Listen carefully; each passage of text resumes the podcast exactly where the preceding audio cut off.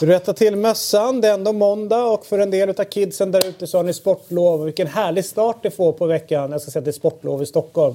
Det är det enda riktiga sportlovet och det är vecka 9.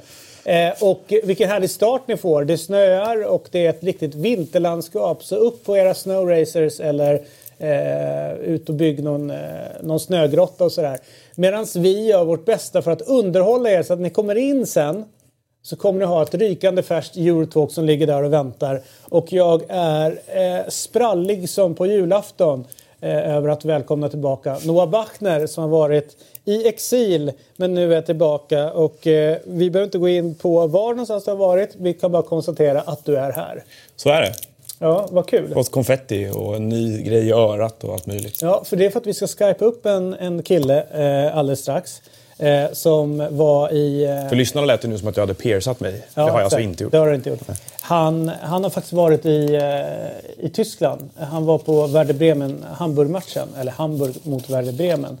Eh, och han heter Kalle. Det tycker jag är väldigt intressant. Eh, för att, det att han heter Kalle? Eller nej, att, han har att den match? matchen. Den matchen var ju... Hamburg är det enda lag som aldrig åkte ut ur Bundesliga. Och nu var det en sån nyckelmatch. För därför att eh, Werder Bremen ligger precis ovanför tillsammans med Mainz. Och jag tror att det skiljer typ sju poäng och liknande, eller kanske mer där nere. Så det, där ser man. Ja, och de har ju då strider. Det nya svarta. Ja, eh, så kan det vara. Eh, eller inte. Eh, ja men det är ju så. Ja men så kan det vara. Och jag menar, jag säger så här, det är så mycket bottenstrid för utöver den här bottenstriden i dagens program.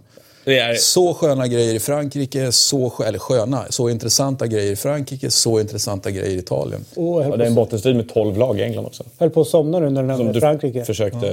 Du försökte spela bort England direkt där. Har du vant dig vid det nu när inte jag varit här och kunna bara gå direkt förbi? Ja, nej, jag tycker vi pratar... Alltså Martin har väl pratat hur mycket England som helst, tror jag. Nej. Du har ju fått lite kritik har jag märkt att du har totalt dissat England och sitter helt knäpptyst under Englandssnacket. Varför gör du det med tanke på att du i grunden ändå gillar engelsk fotboll? Ja, i grunden gillar jag väl egentligen all fotboll, så är det ju. Men jag kan ta med sådana här noise reduction-hörlurar och ögonbindel så kan du ta dem under England så tar jag dem under Italien sen. jo, det kul att ja, se. Ja, precis. En nap. Blir kanske inte så jättebra på tre pers. Du, Vänta tills Martin kommer tillbaka. Martin är ju inte här och han har ju då, det är, sjukt, det är en sjuk grej han har gjort. Han har ju suttit i både Eurotalk och i Eurotalk-viken och sagt att han ska vara hemma under sportlovet. Och liksom så här, jag ska inte åka bort, jag ska vara hemma. Men eh, om ni följer hans på Instagram eller på mm. Twitter, mm. då lägger han ju upp bilder och det är uppenbart att han ljuger för det där är ju inte hemma. Eller har han köpt ett nytt hem igen? Eller så har han köpt en ny ö. Så kan det vara. Men Martin är inte här så det blir lite annorlunda eh, och eh, han är ju saknad eh, redan nu ska jag säga. Låt oss eh, gå in då på det första eh, ämnet. Jag sitter här med en mössa. Det är England, eh, de, de tre lejonen på, eh, på mössan här. Och eh, jag brukar ju, varje gång det är dags för mästerskap, EM eller VM så går jag runt och nynnar på en, en låt eh, som går någonstans med Football's coming home är ju då refrängen. Och det kan ju faktiskt bli så, fast på lite annorlunda sätt. Eh, det är ju så att eh, Qatar kan tappa släppa VM eh, som de då blev tilldelade 2022. Eh, och eh, det är under många grejer. Dels så har det ju kommit upp eh, kritik mot att de eventuellt har samröre med lite stökiga grupper, eh, de som styr i landet. Vi vet också att det handlar om eh, svartarbetare eh, och, och, och, att folk dör i samband med byggena under, eh, under arenorna. Och sen så är det ju hela diskussionen som har varit eh, om det, huruvida det gick rätt till eh, när de fick eh, värdskapet för VM 2022. Eh, och då står eh, tydligen då England eller USA på, på tur. Eh, England så trodde de skulle få VM 2018 men det gick till Ryssland. De var ju ganska säkra på att få det VM. Eh, Gary Lineker och Beckham alla satt ju där och liksom mangrant slöt upp. Jag tror till och med att premiärministern Tony Blair tror jag som var premiärminister då Eh, backade upp hela den här bidet. Eller så går det till USA. USA då eh, pratar man om att det, det, det är deras tur igen. De hade VM 1994 men det skulle vara Aj, bra för, alltså. eh, för eh, USA eller för fotbollen då att liksom missioneras där borta återigen. Eller då till England. Hur ser ni på det här? Skulle det vara jag ska också säga, det är inte första gången i, i, modern tid då som ett VM skulle flyttas. 86 när det var i Mexiko skulle egentligen gått till Colombia men Precis. blev då eh, Mexiko. Kanske det bästa slutspelet som har spelats någonsin. Eh, men eh, hur ser ni på det här och Qatar? Ska de eh, få arrangera VM eller bör de bli av med det? Ja, men det är väl intressant att bestämma sig för eller se vart gränsen går. Jag tar för givet att, att utdelningen av alla VM-slutspel där finns det fuffens. Sen hur mycket fuffens går fuffens att bevisa? Okej, okay, då har det varit lite osmart som host kanske att du faktiskt kan, ja du hittar en smoking gun helt enkelt. Och då, då kanske man har varit om Qatar har varit så osmarta, det, det, det låter ju... Jag tycker att de borde vara smartare. Men Fuffis är ju en del och så har ni alla de andra delarna här. Eh, och David nämnde några stycken. Då är även det här med att de har haft liksom, diskussioner om hur, vilka typer av tester de ska kunna införa för att stoppa homosexuella för att komma in i landet under slutspelet. Jag menar, det är så otroligt många fler än vanligt värderingsfrågor som såklart går att applicera på Rysslands VM också. Jag tänkte säga, och där har, där har de där, redan hanterat och där, det. Och, och, och där kommer man ju till frågan, var går, var går gränsen någonstans? Mm. Så det är ju liksom, det krävs ju någonting, antingen någonting eh, exceptionellt, för värderingsfrågorna är uppenbarligen helt ointressanta för de flesta som har mandat att bestämma. Men jag det faktum, om man tar alla de här sakerna i, i beaktning och så utgår man från sig själv, då är det klart att jag tycker att det ska flyttas någon annanstans. Mm. Sen är frågan då till vilka länder och, och, och var är det okej att spela ett VM då? Hur många länder i världen är det okej att spela VM i om vi ska dra den typen av gränser? Eh, Ganska men få. Sen, så, sen är det ju också det faktum att det här slutspelet inte ska spelas på sommaren. Utan, utan att klimatet är, är inte lämpat för att husera ett fotbolls-VM. Och det gör ju då att då är det så viktigt plötsligt att spela VM i just Qatar. Att hela det europeiska ligasystemet ska rubbas. Liksom, där ändå... Men det har vi ju vetat om länge, så tycker jag liksom, det ska inte Qatar kunna torska på nu. Det skulle de kunna torska på då. Ja, men det, det, säga, men det är fortfarande, det är fortfarande vill, ytterligare en komponent Vi vill spela det här oh. sommartid. Okej, okay, ja, men då kan ni inte få det här VMet. Sorry, men nu har har de faktiskt blivit tilldelade VMet. Och då känner jag att det är svårt, eh, svårt att plocka det av Qatar. Och det blir också en krigsförklaring mot en hel, hel eh, arabvärld i sådana fall. Att, eh, alltså så mycket huruvida världsfotbollen eller europeiska fotbollen behöver de arabiska pengarna, det vill säga behöver Qatar-pengarna. Det, det, blir också väldigt intressant att se. För det är klart att en attack på, på Qatar eller att man plockar VM, alltså, det måste ju få följdverkningar. Å andra med... sidan så är det ju jag tror att Saudiarabien som är en av de eh, största kritikerna till eh, att, att det överhuvudtaget arrangeras ett VM i Qatar. Så att det, det är inte en enad arabvärld nej, nej, men, framför oss. Men jag håller med om att det är, det är ju extremt, det är verkligen en extremt eh, konfrontativ sak att göra mot en så pass stor maktspelare inom internationell fotboll som det är nu. Men, men å andra sidan, jag menar den, den diskussionen... Det känns som att man närmar sig någon sorts, någon sorts eh, eh, vad ska vi kalla det för, en betydande motrörelse där. För jag vet inte om vi kommer in på det sen, men med, med det som hände med, igår på Pep Guardiolas presskonferens efter ligacupfinalen. Där, jo, det kommer vi komma in på. Ja, för det har ju också med det här att göra. Var, var går gränsen? Eller vad är okej och vad är inte okej? Och när ska man börja använda liksom olika moralmätvärden inom fotboll för vad som funkar och inte funkar. För att, menar, det är så mycket större diskussion än bara det här VM-slutspelet för mig. Att, eh, jag ser gärna att det flyttas från Qatar av många anledningar. Liksom. Men ja, den stora diskussionen så... är inte bara det slutspelet, utan det är mycket annat också. Samtidigt så är det ju många som hävdar att det finns, eh, alltså att i regionen är ändå Qatar och, och några länder till står för, för, för vad som är progressivt jämfört med då till exempel eh, Saudiarabien, även om de har fått en ny en ny ledare nu som, som i alla fall på pappret eh, lättar upp lite saker och ting. Så att, så att, eh, att plocka det här från... Det beror ju också på hur man ser på Qatar. Alltså, det är ju inte alla som håller med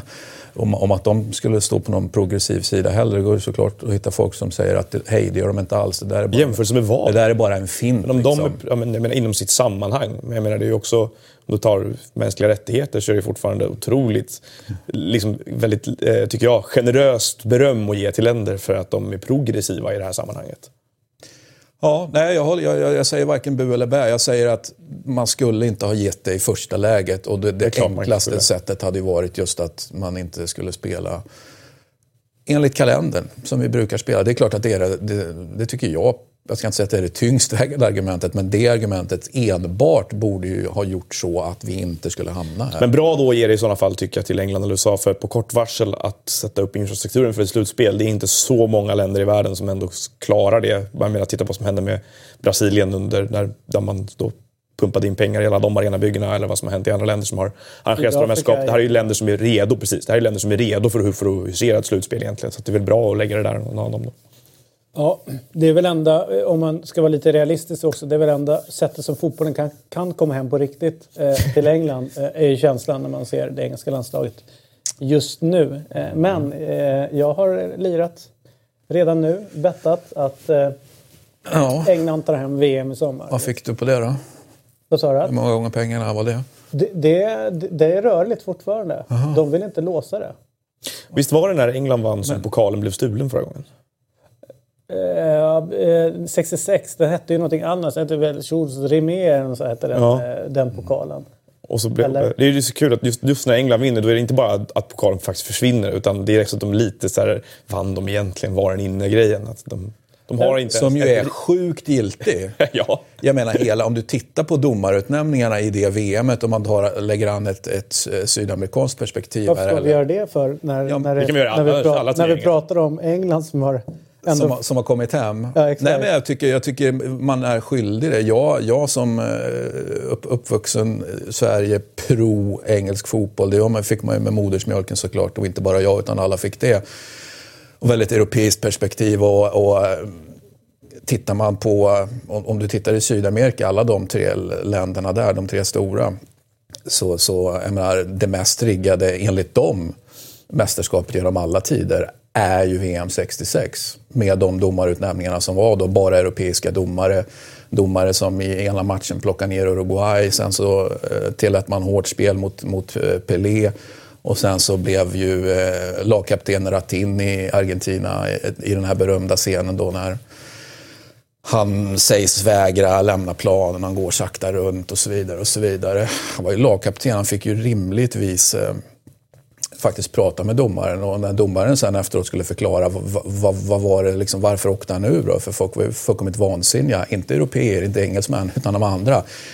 Ah, men hans, hans, hans, hans uppsyn, hans, eh, det var någonting med hans uppsyn som gjorde att han var tvungen att få kort. Mm. Manners, viktigt. Ja. ja, men manners är, är okay, kan vara dålig spelförståelse av Ratin då, men ja. när man får en sån förklaring av domaren sen efteråt att det var liksom uppsynen inte... För, för, all, här, för alla undrar ju vad sa, alltså, vad sa Är det här spelarens vittnesmål eller domarens?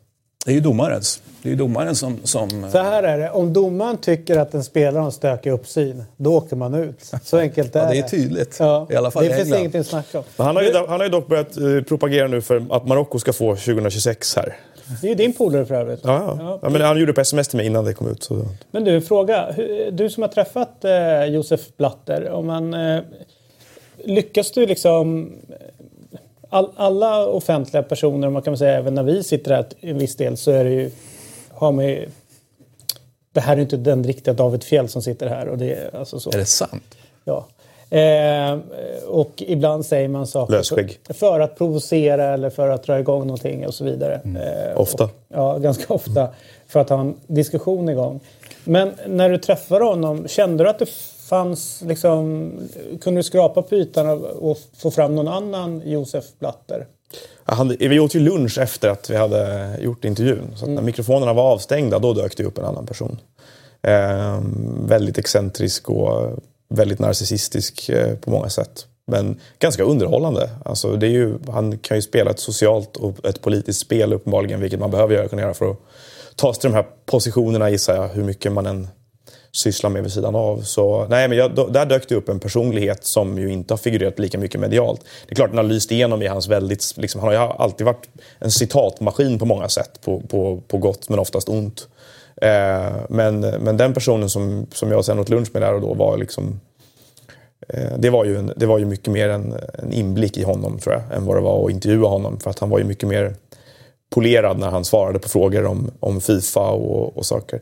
Men, men också liksom eh, för, förberedd på, eh, och, och, och liksom ett, vad ska man säga, inte lismande, men ett väldigt inställsamt spel hela tiden under intervjun. Med, han hade med sig en lapp till exempel med fakta om svensk fotboll som han ville droppa under intervjun för att visa hur mycket han, för att han visste att han skulle då prata till den svenska publiken. För att, han håller väl på med någon sån grej gissar jag, har gjort länge och försöker rentvå sig själv genom att verka, verka bry sig om, om vissa länder och förbund och såna här saker. Så, eh, det var ju lite speciellt. Men eh, jag, jag, tycker väl att under, under den här lunchen, när vi käkade lunch, så liksom, Eh, en, där kändes han mycket mer som sig själv om man nu kan, eh, om man nu kan dra sådana slutsatser.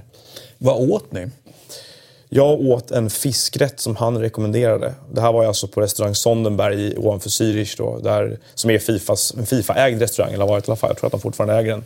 Eh, men där Infantino enligt honom, ah, han kommer aldrig dit. För att, och då frågade jag varför. Bara för att jag är här. Liksom. Det är hans, hans ställe fortfarande. Ja, eller så är det så att Infantino eh, inte tycker att maten är tillräckligt bra. Så kan det också vara. Kul grej också att eh, när... när eh, upp till vänster. När vi var klara, eh, när vi hade käkat upp så så begärde han in en, eh, en dessertmeny. Och liksom, jag var rätt mätt, så jag var rätt nöjd. Liksom, sådär, typ. och, men en kaffe blir bra för mig. Sådär. Och jag hade, var en fotograf med från Expressen och sen hans PR-kille som var vid bordet också. Eh, och alla tog varsin kaffe och Sepp tar tre stora kulor karamellglass själv. Och, bara, liksom. och vem tog notan då? Crucial. Det var, det var en stor diskussion. Eh, därför att, eh, och det ska det alltid vara. Ja, eh, vi insisterade många gånger om. Men det, var liksom, det dök aldrig upp ett kort överhuvudtaget. Den var bara taken care of, sa de. Liksom. Så. Ska jag berätta en rolig grej om det? Eh, det, var, det kom ju ut... Eh, det är ändå sportlovsvecka så vi får hamna på sidospår, eller hur? Eh, vi får, vi får alltid hamna... Vi älskar sidospår. Ja. Vi är ju ett sidospår, ja. för helvete. vi är en bisats. Eh, kommer ni ihåg för väldigt många år sedan när det dök upp att Bert Milton skulle köpa AIK? AIK ganska stora. Mm. Och då, då höll vi på att spela in ett program här då på, på fan-tv som hette eh, Groundhopping. Som sen då givetvis Aftonbladet snodde och gjorde någonting, Leifbys Big Ten eller vad det nu hette. Men eh, då var vi nere i Barcelona precis när det small till. Och då, jag och Nisse då som var fotograf, eh, jag ringde till en, en som heter Niklas här i Sverige som liksom hade en kran till Bert och Bert bor ju i Barcelona. Så att vi fick ju intervjun med honom då, eh, om då hans köp i AIK. Och sådär. Vi, vi träffade upp på, på någon restaurang, eh, gjorde intervjun och sen skulle vi käka. Eh, och, eh, det visade sig vara en fiskrestaurang. Jag käkar ingenting från vattnet, eh, så att jag käkade ingenting alls.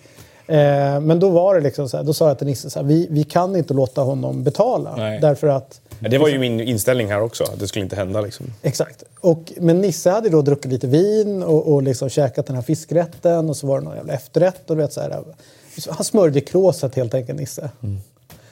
Och sen när vi skulle pröjsa så gick det på en jävla lunchen på 900 spänn. Det var inte Nisse sugen på. Vad sa du? Och det var inte Nisse sugen på. Och då eller? sa jag liksom så här, Nisse, vi har redan haft den här diskussionen. Du får ta den här, eh, du får ta den här lunchen. Och då säger Bert eh, så här, ja men jag kan ta det liksom. Så jag bara, nej, nej, nej, nej. Nisse betalar. Mm. Och sen så efteråt, han var så jävla förbannad. Fan att du ska hålla på med dina jävla principer. Eh, och så. Ja, men det där är ju viktiga principer och det behöver inte vara fotboll man bevakar utan som, som, som journalist. Så... Om man nu är journalist. Ja, men, men i det här fallet så, så är ju... Är du utbildad? Nej, jag, jag är... Och du är ju... Nej, det vet jag inte. Nej, och jag är inte det heller. Nej, men det jag menar, vi, vi är, där i, en, vi, vi är där i en, en grans, granskande, ett granskande syfte liksom, och då, då är det såklart viktigt att... Men det var ju den svåra grejen med att träffa honom. Att, sådär, att du, vet ju, du vet ju mellan raderna väldigt mycket saker som, det skulle vara, som du skulle vilja pressa honom på egentligen. Eh, och han har ju suttit i säkert hundra intervjuer med folk från alla världens medier som har ställt samma frågor om honom. Kan du förklara den här betalningen? Vad hände där och då? Bla, bla, bla. Vad menade du med det här? Är det rimligt att det här, hände? Eh, den här Fifa-kommissionen säger det här om dig. Du står anklagad för allt det här. Varför är du avstängd därifrån? Och han, det, här, det är ju som att trycka på en knapp. Svaren kommer ju bara av honom och han erkänner ju såklart ingenting. Liksom. Så vi tog, jag tog liksom ett frågebatteri med alla de där frågorna. Men det är ju inte så intressant att läsa för någon. Eller det tycker inte jag själv är så intressant. Ens liksom längre. För det blir samma svar egentligen? Det blir samma svar. Den intervjun har gjorts tusen gånger. Så att det som roliga med honom var ju att prata om, ja, men gå in på liksom mer vad som blev en filosofisk diskussion egentligen. Så här, typ. Vad är, är människor giriga tycker? Och få honom att resonera kring girighet och kring makt. Vad var det bästa med att ha makt och liksom, mm. liknande grejer. Så, där. så det tyckte jag det var nog det absolut roligaste med att träffa honom. Vad spännande. Eh, en som jag kan känna har varit ganska genuin i hur han är både som eh, alltså, människa och när han var liksom på toppen eh, och tagit så långt. Det, var, det är ju faktiskt Lennart Johansson som han, han har ju ett jävla rättspatos. Han, eh, och liksom, som, liksom, man ska inte fuska, man ska kämpa, man ska göra rätt för sig. Alltså vet den här att han liksom har stått för det hela tiden. Eh, och honom ringde jag, Lennart, på tåget upp till Zürich för att träffa Sepp. För, för att liksom få frågor, passa frågor från honom. För de har inte pratat med varandra på ett tag och det var ju en riktig clash. Liksom, sådär. Mm. Så jag hade med mig ett par frågor från Lennart Johansson till honom. Så när jag sa att jag, bara, jag pratade med Lennart Johansson igår då, var det lite, det var, då tog honom lite ändå liksom, kändes det som, på bar gärning att han inte riktigt var beredd på att, oh, fan, ah, vad ville han liksom? Eller sådär. Att, det var... Och det tror jag liksom, det blev, jag tror att det blev Lennarts fall lite grann. Att han var för ärlig. Alltså att han inte höll på. Det är klart att han höll på med ett politiskt spel. Annars kommer han inte till den positionen. När Blatter vann maktkampen med honom så spelade ju Blatter spelet bättre. Eh, på, vil, på, vilka liksom, grunder det du var. Men det gjorde han ju. Liksom, så är det. Och det var ju kanske mer Blatters. Eh, men, men det roliga med Lennart är att jag tycker att han... Vems arv har du helst då? Vad säger Vems arv har du helst? Blatters eller Johanssons nu? Om du tittar på det med tanke på hur Blatter går till historien jämfört med Lennart. Lennart såklart. Ja. Eh, Lennart står ju fortfarande som grundaren ju... av Champions League. Och, och, du vet, så här, han går ju till, till historien som Skurk. den korrupta skurken. Ja. Liksom så. Men, men Lennart är ju så roligt för att han har gjort sig... Alltså att han är lite tuffare än vad han är som person är han ju liksom medialt. Men när man sitter och pratar med honom eller tar en lunch eller vet sådana saker då är han ju oerhört, alltså han är en jävligt snäll eh, människa och liksom stort hjärta och omtänksam. Och då, där kan jag känna så här att det är synd att inte den sidan hade kommit fram ännu mer med Lennart. Eh, dels under sin tid som Uefa-president och även rent generellt hur han eh, liksom har varit. Det räcker väl att han kommer ut efter karriären här hemma. Så han hade väl inte haft någon nytta av den om, i en, alltså, i en strid med Blatter till exempel. Det hade ju bara sett som en, någon slags weakness, eh, eller? Kanske, men han hade ju det redan innan han, det tog fart. Liksom, så har han alltid varit en mm. liksom, väldigt generös och, och snäll människa. Men, men, det är som det är. Vi, vi måste rulla vidare så att vi inte fastnar i det, eh, det här allt för länge. Vi, vi har det där Status Ronaldo där vi tar ut ett All-star-lag från 90-talet. Eh, och det är spelare som har varit aktiva något år under 90, 90 till 99. Eh, och eh, ni kan nominera ert lag och det gör ni under hashtaggen status Ronaldo och så går ni in och följer Europatipset underscore 1, kryss 2 och den som har den bästa eh, spelaren som Mexen tycker eh, vinner en tröja. Mm. Och Mexen är ju stenhård eh, i, sina, i sina val. Det går liksom inte att diskutera med Mexen. Bland annat så håller han på att trycka in massa fransk fotboll på Europatipset. Bara för att jävlas med mig. Men nu är vi framme vid defensiv mittfältare. Och eh, vi har ju haft... Det här valde Christian och Martin för åtta veckor sedan. Nej, det är ju Desailly som vi har landat i. Ja, och jag säger Vieira.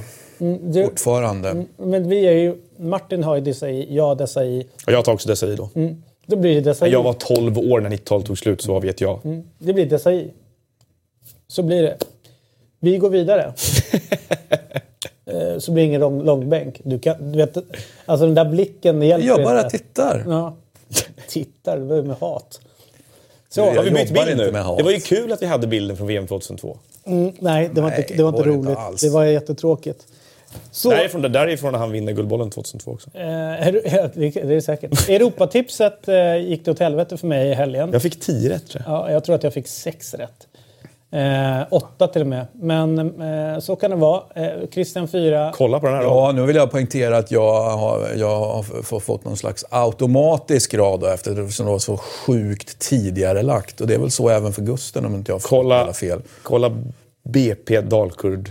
Ja, där måste jag... Sätter den så stenhårt. Vi var ju faktiskt lite stränga mot dig i Weekend.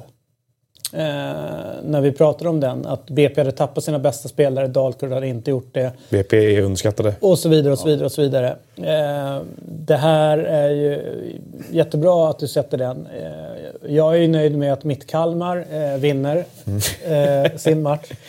Och sen så är det ingen som sätter Hammarby Guys. Ingen sätter Hellas heller. Jag måste bara säga det.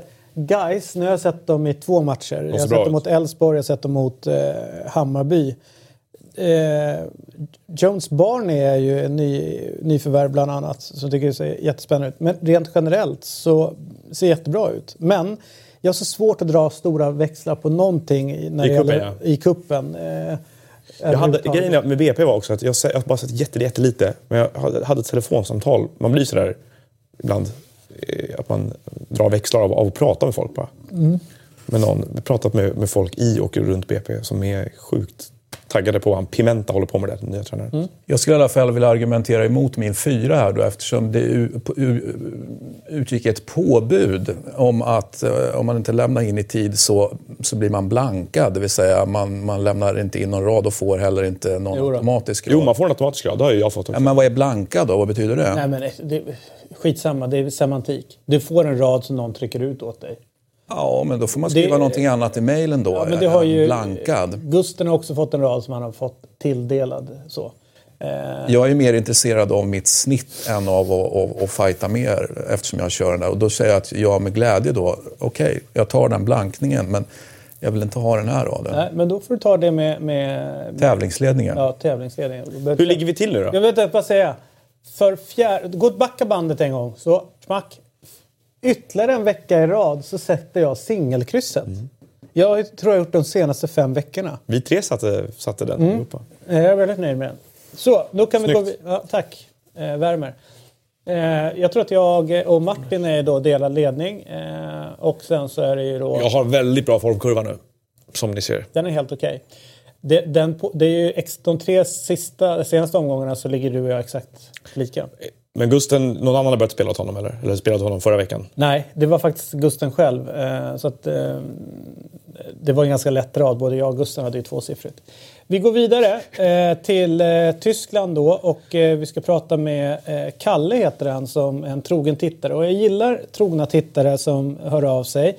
Och jag gillar också snälla mejl, alltså rätt roliga mejl. Och Kalle kommer då med en idé och det är, han skriver så här, när ska Eurotalk göra den optimala fotbollslåtsdjupdykningen? Eh, och eh, han älskar europeisk fotboll inte minst på grund av låtar som Bremens eller Juves eh, och vilken är panelens favoriter? Hymner alltså? Hymner, inmarsch, inmarschlåtar. Så jag tänkte framöver sen så kan vi väl plocka med att man kanske har sina topp tre och lite. Men inte nu, utan man får liksom, det får marinera hemma lite. Då vill jag påminna både Kalle och dig om att vi gjorde det här inför att vi gjorde, eh, inte kanske julspecial, det var väl kanske förra säsongen. Vi har faktiskt kommit med en handfull per skalle och eh, lämnat över ja, och spelat. Ja, fast det var ju låtar rent generellt som var fotbollslåtar. Eh, jag hade ju den här Fotbolls Coming Home på den, bland annat. Så, ja, ja, så här ska bara vara inmarsch. Ja, inmarsch, Santa is a Jordi. Så ja. det, var, det var inte... Men eh, det gör vi. Eller hur? Det är en rätt rolig grej. Men jag tror att Kalle ska dyka upp här alldeles strax om de får ordning på den där... Ja, det vore skönt att, att, få ur den här... Jag ja. hörs jävla illa med den här i örat. Du får sätta den andra ja, Det är faktiskt den... jätteobekvämt. Ja, så nu vill vi, nu vill vi prata. Ja, tänk dig när man... Eh... Sitter med sån hela tiden. Ja, och dessutom har en redaktör som sitter och väser i örat på en och en bildproducent som väser i örat samtidigt som man intervjuar någon. Mm. Då kan det bli lite udda frågor emellanåt. Eller eh, man bara nickar. man har inte hört någonting. Jag ska inte gnälla. Det är inte, det är inte ofta jag står i programledarstolen längre. Så att det, Nej, du sitter ju just nu. Exakt, men normalt sett brukar jag inte ha den här... Mm. Du, ska vi kolla där ute? Hör du Tvilling? Eh, hur går det? Vi ska höra honom. Nej, vi hör dem inte. Nu, Kalle! Nu har du någonting. Yes. Hej Kalle, hur är läget? Det är bra. Direkt från sjukhusparken i Lund här, så det, det känns, eh, jag känner mig stabil. Jag tror att vi ska kunna få upp dig på en ruta här också så att vi ser dig. Där kommer det ägg. Du ser ut som ett ägg just nu. Du, ja, måste, sätta på, du måste sätta på kameran, Kalle. Ja, jag trycker på kameran. Ja, spännande. Här, ska jag vrida den också? Det vet jag inte. Jag ser ingenting. Fortfarande ett ägg. Du ser ut som ett ägg. Ja, jag ser mig själv. Jag, jag, är rätt, jag skulle ha fixat håret om jag visste att jag skulle filmas. Men jag, jag ser mig själv här i alla fall. Så jag tror jag har gjort det jag kan. Ja, och du, du, nej, du, du vet längre ner på din skärm där så står det att du kan trycka på en knapp som, som har en, kam, eh, som en filmkamera på sig. Ja, jag, jag har tryckt på den, men jag tror mina ord är viktigare än hur jag ser ut. Ja, okej. Okay. Vad härligt. Appearance is everything. Ja, ja exakt. Vad va härligt Kalle att du... Tack för att du tittar och följer Eurotalk. Det tycker vi är jävligt roligt. Eh, och eh, berätta, du var ju nere på Nordderby eh, på Weserstadion i Bremen. Eh, och eh, eh, hur, hur var den upplevelsen? Ja, det, det, var riktigt bra tryck i stan faktiskt. Vi flög ner till Hamburg och laddade upp lite med HSV-supportrarna och sen tog vi tåget med några som såg misstänkt huliganmässiga ut i Bremen. Strikt alkoholförbud på tåget men det ignorerades av dem och ignorerades av konduktörerna när de såg vilka det var som drack. Mm. Och så hängde vi ganska länge i Werder Bremen, eller i själva Bremen. Eh, jag lyckades identifiera Ove Seeler på en HSV-supporters tröja så att vi kom in i gänget där. Eh, och så snackade vi lite. Tydligen så är Markus Rosenberg inte lika stor i Bremen som jag hoppades på. De tyckte inte alls om honom. Men däremot älskar de Augustinsson, vilket jag... Min världsbild raserades totalt där kan man säga. Varför det? Ja, jag vet inte. Rosenberg är ju stor för oss här nere. Alltså, men han, och vi har alltid levt om att han var så stor i Europa, men det var han tydligen inte alls. De, eh, liksom, det var bara som en parentes liksom. Mm. Ja, jag men, gillar ju också Marcus, eh, så jag, jag förstår hur du känner. Ja, men själva Sen var det ju ett ganska tråkigt fotbollsmatch. Det kändes rätt så ängsligt. Lågt tempo. Det betyder ju extremt mycket för HSV detta. Och, um, även för Bremen var det ju viktigt framförallt att inte förlora. Så det var ju ängsligt och det kändes lite på läktaren också. Um, ehm, HSV-supportrarna var rätt stökiga, skickade ut rätt mycket fyrverkerier precis ovan oss. Lyckades nästan träffa sin egen spelare Aron Hunt med en bengal också, vilket var märkligt. Mm. Men de spe spelade på och Bremen avgjorde ju då i 87 tror jag på ett misstänkt offside-mål. Och därefter så utbröt ju nästan definitionen av skadeglädje då när Bremen lyckas kicka ut HSV då. De har ju aldrig åkt ur eh, Bundesliga. Så det var ju extremt stort att få ut dem då helt enkelt. De har sju poäng upp nu till Mainz och Mainz har väl fortfarande eh, din favorit där, eh, Quaison, så de kommer inte åka ut. Nej, och de eh, kryss, kryssade i helgen. Det var ju viktigt och, och Quaison spelade 80 minuter tror jag. Eh, men eh, jag, jag, gillar ju ändå stoltheten som eh, HSV-fansen ändå någonstans ja. visar upp, eller hur? Ja, det var jäkligt stort. De sjöng ju då... Eh, när, de gjorde mål, Bremen, så sjöng de då Zweite Liga Hamburg eh, dabei, alltså att de kommer åka ur i andra ligan. Och då sjöng HSV-fansen för sista gången någonsin sin låt då Sexmal Deutsche Meister dreimal Pokalsieger, immer erste Liga. Och eh, eftersom det var sista gången på Weserstadion de kunde sjunga det så tog de ju i något så in i helvete där. Alltså det var rätt eh, häftigt. Det var ett vackert trots tyckte jag. Men du är helt eh, hundra på, eh, Kalle, att, eh, att Hamburg ryker nu? Du, du ser liksom ingen... Eh, Nej, jag har ju sett dem nu. Jag har inte följt dem så noga innan. Men eftersom jag visste att jag skulle åka hit så har jag ju sett de senaste 5-6 matcherna. Jag har aldrig sett ett så impotent lag eh, någonsin. Jag arbetar ju inom på sjukvården och då ser man ibland personer som har förlorat nerverna som försörjer den manliga lemmen. Och inte ens de personerna är lika impotenta som Hamburgs eh, anfallsspel kan man säga. Jag förstår. Eh, så det är, det är inte bra. Det är verkligen inte bra. Och det kändes så också. De sista tredjedelen är totalt värdelösa. De, de åker ut. De har ju sista chansen mot Mainz nu hemma nästa helg men ja, även om de vinner där så tror jag det blir tufft. Aj då. Du, eh, vi gör så. Vi, eh, vi tackar för dig, men vi ska plocka upp här din, eh, din idé där om inmarschlåtar ja. och kommer återkomma till det eh, längre fram. Och tusen tack för att du eh, ville, ville vara med från en parkeringsplats i Lund. In och ja. hjälp eh, de potenta och impotenta männen och kvinnorna helt enkelt på, ja. på lasarettet där nere. Tack så mycket för att jag fick vara med. Ja, ha det bra Kalle. Tack, tack. Hej. hej. hej. Eh, Hamburg, alltså, känner ni någonting med att eh, Hamburg eh, åker ur? Finns det någon, ja, någonting Hamburg, jobbigt, jobbigt, med det? Hamburg är mitt lag i Tyskland. Har ja. varit alltid. All right. Wow. Eh, utan att säga att jag håller på dem, för det kan jag inte påstå att jag gör. Men jag, ja, följer jag något annat lag i Europa så är det Hamburg än, än Newcastle. Eh, men det är just, de liknar ju, jag tycker att de under många år gick att jämföra med Newcastle. Så att, att det är liksom en stad med enormt stort intresse för ett fotbollslag med en enorm arena och enorm potential och vilande jätte. Det gick väl att jämföra på ett sätt med Marseille och kanske något annat, någon annan klubb också. Ett tag. Men nu de, har de ju övergått till att bli mer Sunderland, att liksom det är sån vanvård att eh, det, det, är liksom som när man bestämmer sig för att avriva en hund till slut, att det här går inte längre, det är inte värt det. Så att, eh, jag, tror att, jag tror att hela den klubben skulle må, må bättre av att krascha liksom bara, mm. och, och, och, börja om på nytt. Sen, sen, och sen måste ju då såklart nedflyttning innebära att det sker saker som gör att den kommer på fötter och tar sats i rätt riktning. Så att det inte blir som för Sunderland som är på väg ur Championship också. Liksom. Kan det vara ett ok som ändå liksom försvinner bort om, liksom, om de nu skulle åka ur? Eh, För jag menar att eh, det, det är pressande, det faktum att de är Jag tycker generellt med lag som är på väg ur länge, att, och det går väl att dra parallell till många lag i England som har legat runt den där, som Aston Villa gjorde i flera år, som Sanna gjorde i flera år, som år efter år slåss mot nedflyttning. Och det, det, det innebär ju ofta att en bit in på våren så gör du någonting desperat. Du byter tränare eller du lägger jättemycket pengar på en ändra spelare i januari eller någonting. Och det är alltid kortsiktigt. Det är inte för att bygga något bra Nej. långsiktigt nästan. Och den kortsiktigheten föder ju nya kriser hela tiden. Så att det där för mig är ett ekosystem av, av dåliga kortsiktiga beslut som väldigt många klubbar i England ligger i. Och Hamburg är väl ett typexempel på ytterligare en sån klubb som gör det, som hela tiden räddar sig kvar med hjälp av liksom, desperate measures. Liksom, mm. Alldeles för sent. Så jag tror att man skulle kunna släppa den pressen att vi har åkt ur, det behöver inte hålla på så här längre. Så, och bygga någonting som har mycket mer livslängd i, underifrån istället. Det skulle nog vara en bra väg framåt tror jag. Men, men som sagt, det, liksom, det krävs ju att då rätt saker sker på, högre upp i hierarkin där för att det ska bli så. Vi eh, lämnar Tyskland och eh, tar oss till, eh, får man säga, en, en, historiskt sett en av deras största antagonister. Vilka skulle det kunna vara? Du kommer säga Frankrike? Hamburg eller vadå?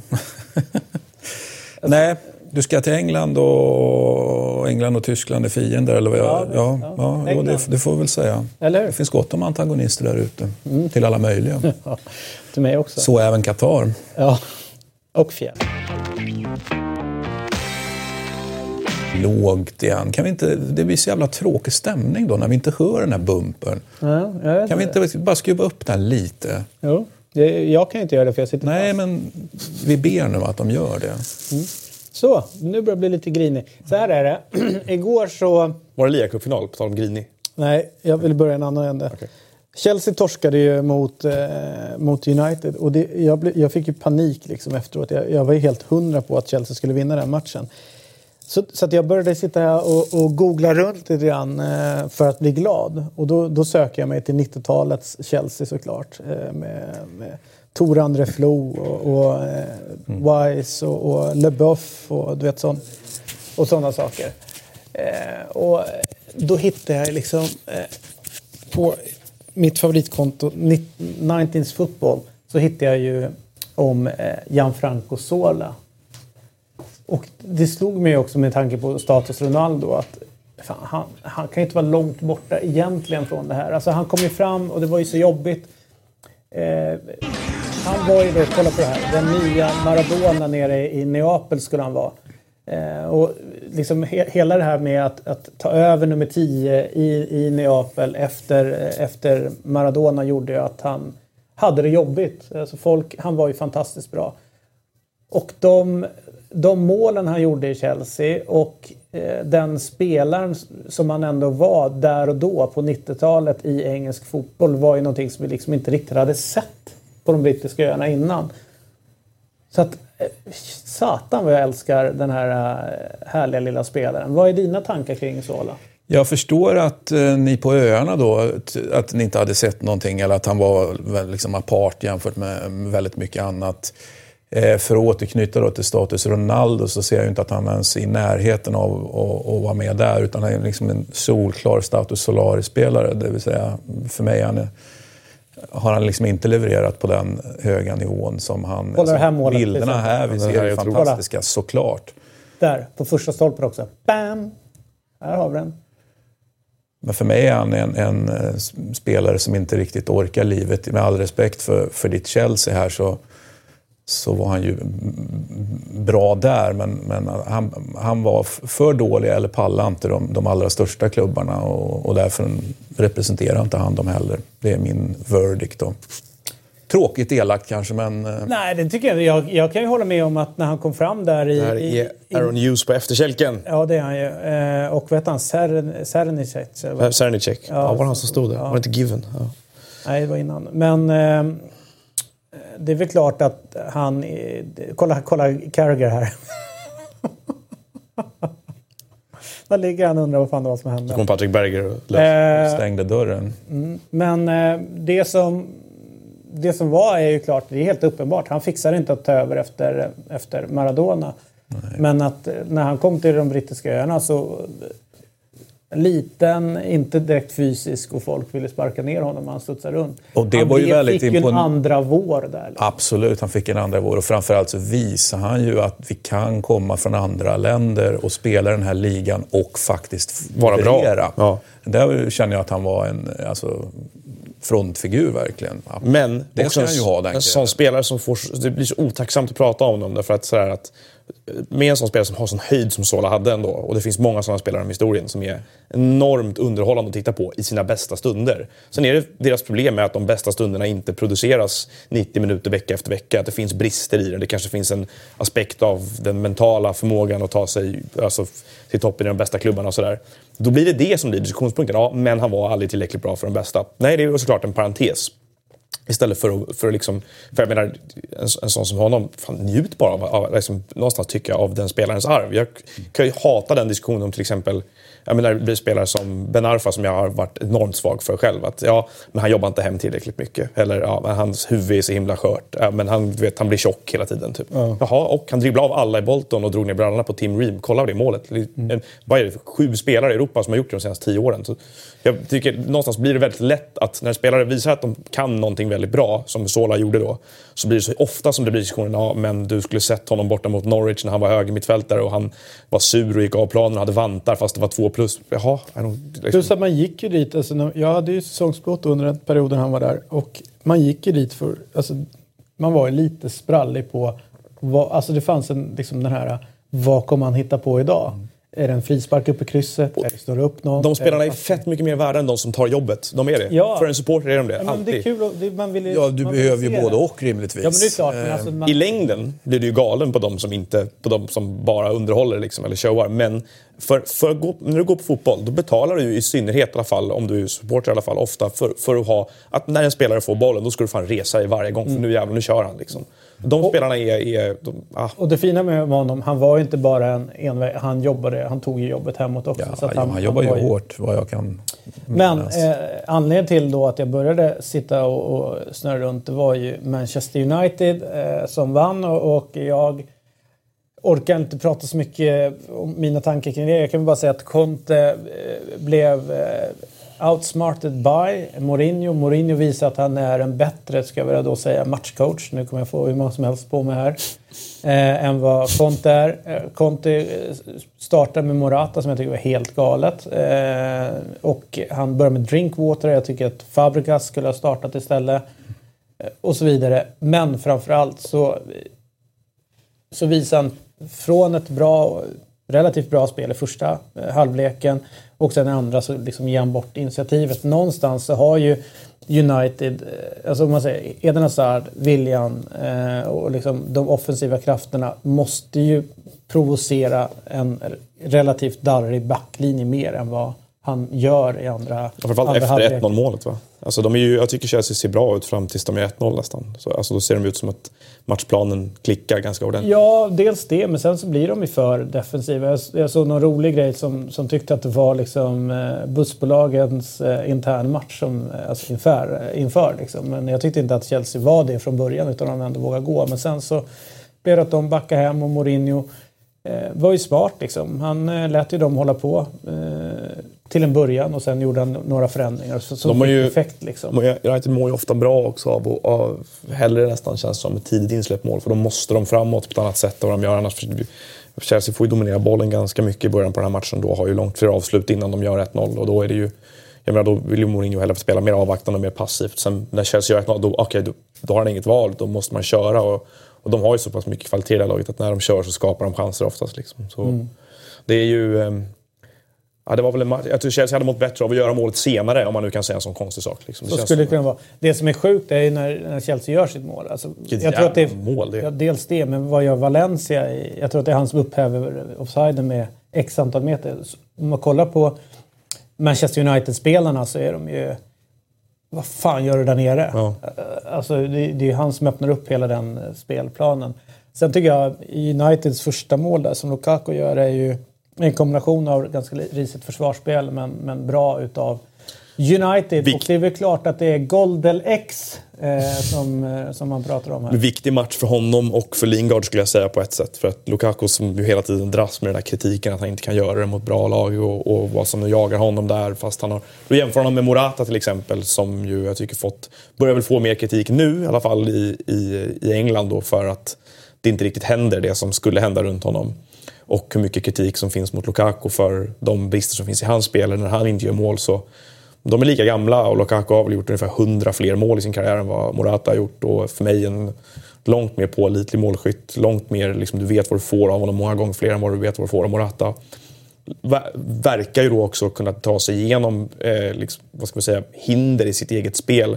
För att insatsen här, när han kliver upp, och det är ju assisten nästan mer jag kommer ihåg än målet av den här matchen. Mm. Han, det är ju han som skapar segermålet egentligen. Så att jag, för, för Lukakos del så otroligt bra och starkt besked och en, en mental styrka hos honom som man inte har sett prov på hos Morata som ju nu har om vi tittar på vad han står nu i Chelsea, det kan ju såklart ändras när det förmodligen kommer en ny tränare nästa säsong också då, men han har inte riktigt liksom blomstrat till fullo så som man vill att han ska göra i vare sig Real Madrid, egentligen inte Juventus heller och egentligen inte här heller. Så att, för jag, jag sa innan han kom till Chelsea att jag tycker att Morata för mycket fortfarande är en idé för att betala, vad betalade de? 70 miljoner euro för honom nästan.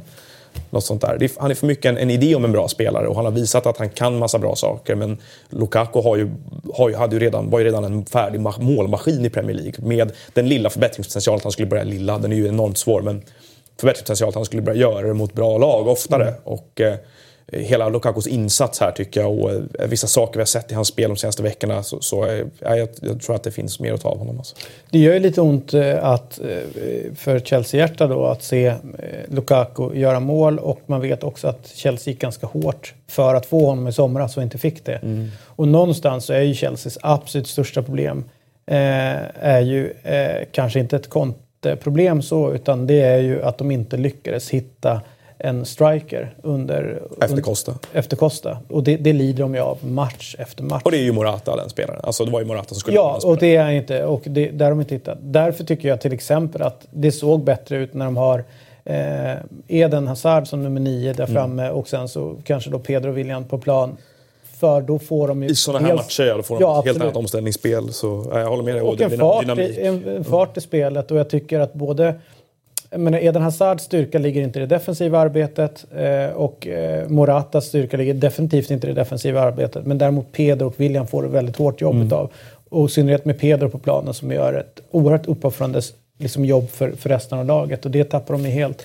Och sen den andra spelaren i United här är Lingard som, om vi har många spelare offensivt med Manchester United som man känner att inte riktigt har liksom, tagit fart den här säsongen för individuellt så är ju han tvärtom då. Och det är ganska sent. Jag menar, han är, han är 26 nu, Lingard. Liksom. Jag trodde man, man trodde att det här skulle ha hänt för ett tag sedan. Han kändes som en av de här spelarna som lite, lite forcerat är kvar i klubben för att han är kulturbärare och egen produkt och de har, han ska betyda mycket för dem och, och, och, och utstråla vissa saker i match efter, alltså stor match efter stor match så är det han som är den som spelar utan de här handbojorna och, och utan nerver egentligen. Mot Arsenal gjorde han mål, här gör han mål. Liksom han, han, han kliver fram när de behöver det hela tiden och kommer han in som inhoppare visar inga tecken på att vara bekymrad att han har bänkat från start. Kan tyckas oförtjänt. Liksom. Han, gör, han gör sitt bästa säsong i karriären. Alexis köps in, det puttar honom längre bort från en startelva ibland. Så, där. så nej, det, han, det är ett väldigt bra ett väldigt bra, eh, väldigt bra utvecklingskurva på honom. Mm. Och, och, och, sen så tycker jag, jag satt faktiskt under matchen och funderade lite grann över Pogba och, och eh, liksom vad, som händer runt honom. Pogba och McTominay, sitt bara, vad, heter han för någonting? McTominay. McTominay. McTominay. Han tycker jag är jätteduktig. Alltså, så, så man kan ju tycka att som spelare, just, han gör inte de snygga grejerna eller de spektakulära grejerna på plan. Men som en kugge i ett lag så tycker jag att han kuggar in bra. Jag tycker att han var mycket bra mot Sevilla. Och jag tycker att han gör en bra insats. Alltså, det blir en stabilitet. EU spelar ju för att punkta Hazard här. Och det är väl ett jobb som Mourinho har lättare att ge till en spelare som honom än att ge det till Pogba. Dels det och sen så blir det en balans i laget med honom och Matic på plan som jag tycker är... Matic tycker jag var bra i den här matchen det, också. Jag, med honom, jag vet inte. Jag tycker jag har sett för lite av honom hittills för att veta vad, man, vad, vad det blir av honom. Men det finns ju, man har ju den här känslan av att han kan gå in och göra, spela en roll i det här laget. Mm. Jag tror ju dock att sannolikheten att han säljs till Everton för 12 miljoner pund inom två år är större än att han blir en kugge med Manchester United. Men Fast det, är, det är tidigt i hans ja, karriär. Det är det, men man är så oerhört fokuserad, tänker jag, kring, kring namn eller vad man ska göra offensivt och sådär. När United var som, som bäst en gång men det var en Fletcher som var inne och tog, tog jobbet. Alltså, men, man behöver en såna, rollspelare. Ja, man behöver sådana ja, spelare att absolut. kasta in som, är, som vet vad det innebär att spela i klubben, som vet vilka jobb de ska göra, som, som gillar, acceptera sin roll och, och gör den till, till 100 procent. Och det tycker jag att han har visat nu de matcherna han har fått, fått chansen. Egentligen ingen som sticker ut. Men däremot Pogba, när man kollar på honom så visst, man får några sekvenser av briljans. En lyftning fram mot Alexis i steget som är liksom... Det är inte många spelare som kan göra det i, i liksom, den aktionen, i den farten. Men i övrigt så är det ju en, en spelare som man inte riktigt känner igen. Alltså, Men det har varit så här sedan han kom dit. Och det har varit med undantag för enskilda halvlekar eller eh, korta, korta ögonblick eller sekvenser i matcher. Och jag tycker man, det är samma scenario med honom som det var i, eh, i, i, franska landslaget under EM egentligen. Där han gjorde en bra halvlek mot Schweiz på hela turneringen, mm. mer eller mindre. Det är ju ständig fråga då, vilket ansvar ligger hos Pogba, vilket ansvar ligger hos tränaren? Vi, vi kommer ju alltid tillbaka till det den spelaren Manchester United tyckte sig köpa för en världsrekordsumma. Det var ju den spelaren som vi fick se Juventus ganska ofta, som var dominant offensivt framförallt och så liksom en sällsynt kraft eh, framåt. Mm. Och den spelaren som inte har uppenbarat sig här på alls samma sätt, med undantag för vissa enskilda moment. Och som i Frankrikes landslag då, när han inte kunde... Där, där tyckte jag det handlade mer om honom själv. Det, jag liksom skrivit om det här fem gånger säkert, men eh, premiärmatchen mot Rumänien i EM där han eh, är så grymt överambitiös i allt han ska göra. För att han, och prata innan om liksom en sorts mytbildning om sig själv som en mix av alla spelare, de bästa spelarna genom tiderna. Han ska vara Ronaldo, Zidane, eh, Edgar David. Han nämnde liksom 14 spelare på olika positioner med olika egenskaper och jag ska vara alla i en. Eh, och det är lite liksom megalomaniskt nästan, alltså, att, att, han, att han hade den självbilden. Och då på det så, så kommer då den här världsrekordsumman där det någonstans bekräftas för honom att han är en, en, en utvald spelare på något sätt, en speciell spelare. Och där tänkte man ju, i alla fall jag gjorde det första året med honom i Manchester United, att det här är ett bekymmer här för, för hans själv. Alltså han vill göra fel grejer. Han, han, han, gör inte, han spelar ju inte, liksom en, han spelar inte en roll, utan han spelar väldigt mycket Pogba-fotboll här hela tiden. Och det, det låser sig för att han är inte så övermänsklig som han tror alla gånger. Och han gör det i fel ytor i planen. Sen har ju det gått över och pendlat mycket fram och tillbaka mellan vad är Pogba som, som överarbetar hela tiden och, och, inte spelar till sina egna styrkor eller tror att han är bättre än vad han är. Och vad är Mourinho? Vad är han, liksom, vad är han tillsagd att göra här och vad är det som inte funkar? Eh, men för första gången, för att jag menar, han har ändå hållit skenet uppe tycker jag Pogba ganska mycket. Att, sådär, att han har lyckats, när det väl har uppenbarats i matcher som den mot Everton precis efter nyår här där han var väldigt, väldigt bra så har han ju kunnat ta tjuren i hornen. Men någonting de senaste veckorna, han blir utbytt mot Newcastle och nu är det bänkningar och det är mm. tjafs med Mourinho, viskas som tjafs med Mourinho vid sidan av och saker liksom där. Och det är liksom så otroligt typiskt att han spelar då den här egna killen från akademin istället för Pogba. Eh, istället, eh, och, och, det, och, det, känns som att där har vi nu kommit till en brytningspunkt lite grann i att efter ett, mer än ett och ett halvt år med Manchester United och det inte lossnar för honom. Eh, det, det, är, han är inte en mittfältare hittills i, i det här laget som är värd de där pengarna. Han är inte en, en mittfältare i världsklass, vilket var tanken att han skulle vara. Han lever inte upp till sin egen hype, han lever inte upp till sin egen självbild. Eh, och, och, skulden flytt, bollas mellan honom och tränaren och där är det mycket svårare för honom att få rätt. Så att, eh, intressant att se vad som händer med honom här under våren. Intressant att se vad som händer med honom i sommar. För att om han anser att han har blivit felanvänd här på något sätt. Att om, han, om han själv lägger skulden på Mourinho då tror jag att Mourinho vinner den kampen. Då är det liksom Pogba som, som, som enligt Mourinho ska flyttas på. Hur passar det in i Ed Woodwards tanke här? Pogba är ju helt central för Woodwards liksom laget som Woodward fick bygga på och vid sidan av planen. Liksom. Det finns ju också något, något rykte om, jag vet inte om det stämmer, att det finns en återköpsklausul som, Liverpool, eh, som Juventus har eh, runt Pogba. Men där är problemet att eh, Juventus lönestruktur skulle ju sprängas fruktansvärt om ja. Pogba skulle komma tillbaka. Så där finns det liksom någon... För mig är det en PSG-värvning. Alltså, det är ju dit det, känns ju det, är dit, dit händer barkar efter det här om det är så att det inte funkar riktigt här faktiskt. Det... Men eh, om, vi, om vi stannar till då vid eh, United så har du eh, grottat ner dig lite grann kring, eh, kring lite siffror eh, runt United. Mm. Innan vi ska börja det så vill jag bara säga en sak. att jag ställer mig, både här och på andra ställen så har det varit väldigt eh, eh, hårda, eh, hårda ord kring Mourinho och liksom att han får oerhört mycket kritik eh, och, eh, runt sin gärning. Och, medan både du och Martin har varit igång och, och kring att det är tråkigt eh, att titta på. Du säger att det är tråkigt att kolla på. Tråkigt? Det, det är ofta tråkigt. Ja, men okej, att, inte, att han inte har... Att han har tappat någonting så. Om man då kollar var de är någonstans så är de eh, tvåa i tabellen eh, och de är, har ett bra läge i Champions League fortfarande eh, och har ett, ett poängsnitt tror jag som ett norm, normalår eh, är på väg mot att man skulle kunna vinna ligan. Eh, så att, ja, inte med fem förluster va? Jo då. Det tror jag poängsnittet ligger ganska bra kring det hela. De skulle Men, då vara med i ett titelrace i alla fall med det här va? Så att, det, det, är klart att det finns saker som inte absolut är bra. Jag tycker att, och även när man sitter och kollar på engelsk TV, att emellanåt att det är lite grann... Det blir lite slentrian att bara liksom gnälla på, på, eh, på Mourinho utan egentligen underbyggd fakta sådär. Liksom så. Men du har kollat på lite siffror som är intressanta. Som, som säger lite grann om Ja, om vi får upp United. dem här. Vet jag inte. Nu är det fula printscreens, precis. Eh, Nej, men det är väldigt mycket så här, vi, har ju pra, vi käbblar ju om Mourinho rätt mycket här tycker jag. Eh, och jag kan tycka att vi tröttnar, man ibland blir trött på sig själv för man sitter och pratar om samma sak vecka efter vecka. Och det som ju vi allihopa har pratat om, att det finns någonting i spelmodellen som inte riktigt klickar. Att de, är, de kanske inte spelar lika expansivt och kontrollerande som de borde med alla de här resurserna. Och att det är statiskt och det är ett anfallsspel som inte ser ut att ha några invanda mekanismer. Och, eh, det där märker man att det är ett större och större läger Manchester Uniteds supportrar framförallt som ju ser det här laget vecka ut och vecka Det gör ju de flesta i Sverige eftersom de visas hela tiden. Herregud, det visas ju P18-matcher med United i Sverige. Men, eh, och eh, då blir det lätt att det blir massa ord bara om hur, hur, att det är någonting som inte funkar. Och fotboll mellan raderna kan vara ganska frustrerande ibland att bara prata om. Så jag började titta på de här eh, grejerna. Och, eh, Vad står de här olika kolumnerna Ja, det här är ju då eh, lagens nu ska vi se, längst till vänster är alltså lagens riktiga position i tabellen. Eh, och sen hur många matcher de har spelat, resultaten, målskillnaden och deras poäng. Och sen så är det då expected eh, goals, både gjorda och insläppta. Och expected points utifrån det. Så att, eh, nu får alla tittare som är bättre på de här måtten än vad jag är, för det var ett tag sedan jag läste en definition av dem, rätta mig. Men eh, expected goals är ju alltså då ett mått för eh, hur många mål ditt lag förväntas göra över tid utifrån den kvaliteten på de chanser de skapar. Eh, så att, eh, det har de börjat redovisa mer och mer i samband med sändningar i England också. Jag hoppas att det kommer till Sverige för det är ganska intressant. Det säger aldrig hela sanningen men det ger ofta en bild av om ett lag över eller underpresterar till exempel. Eh, sett till hur väl, hur väl deras spel funkar.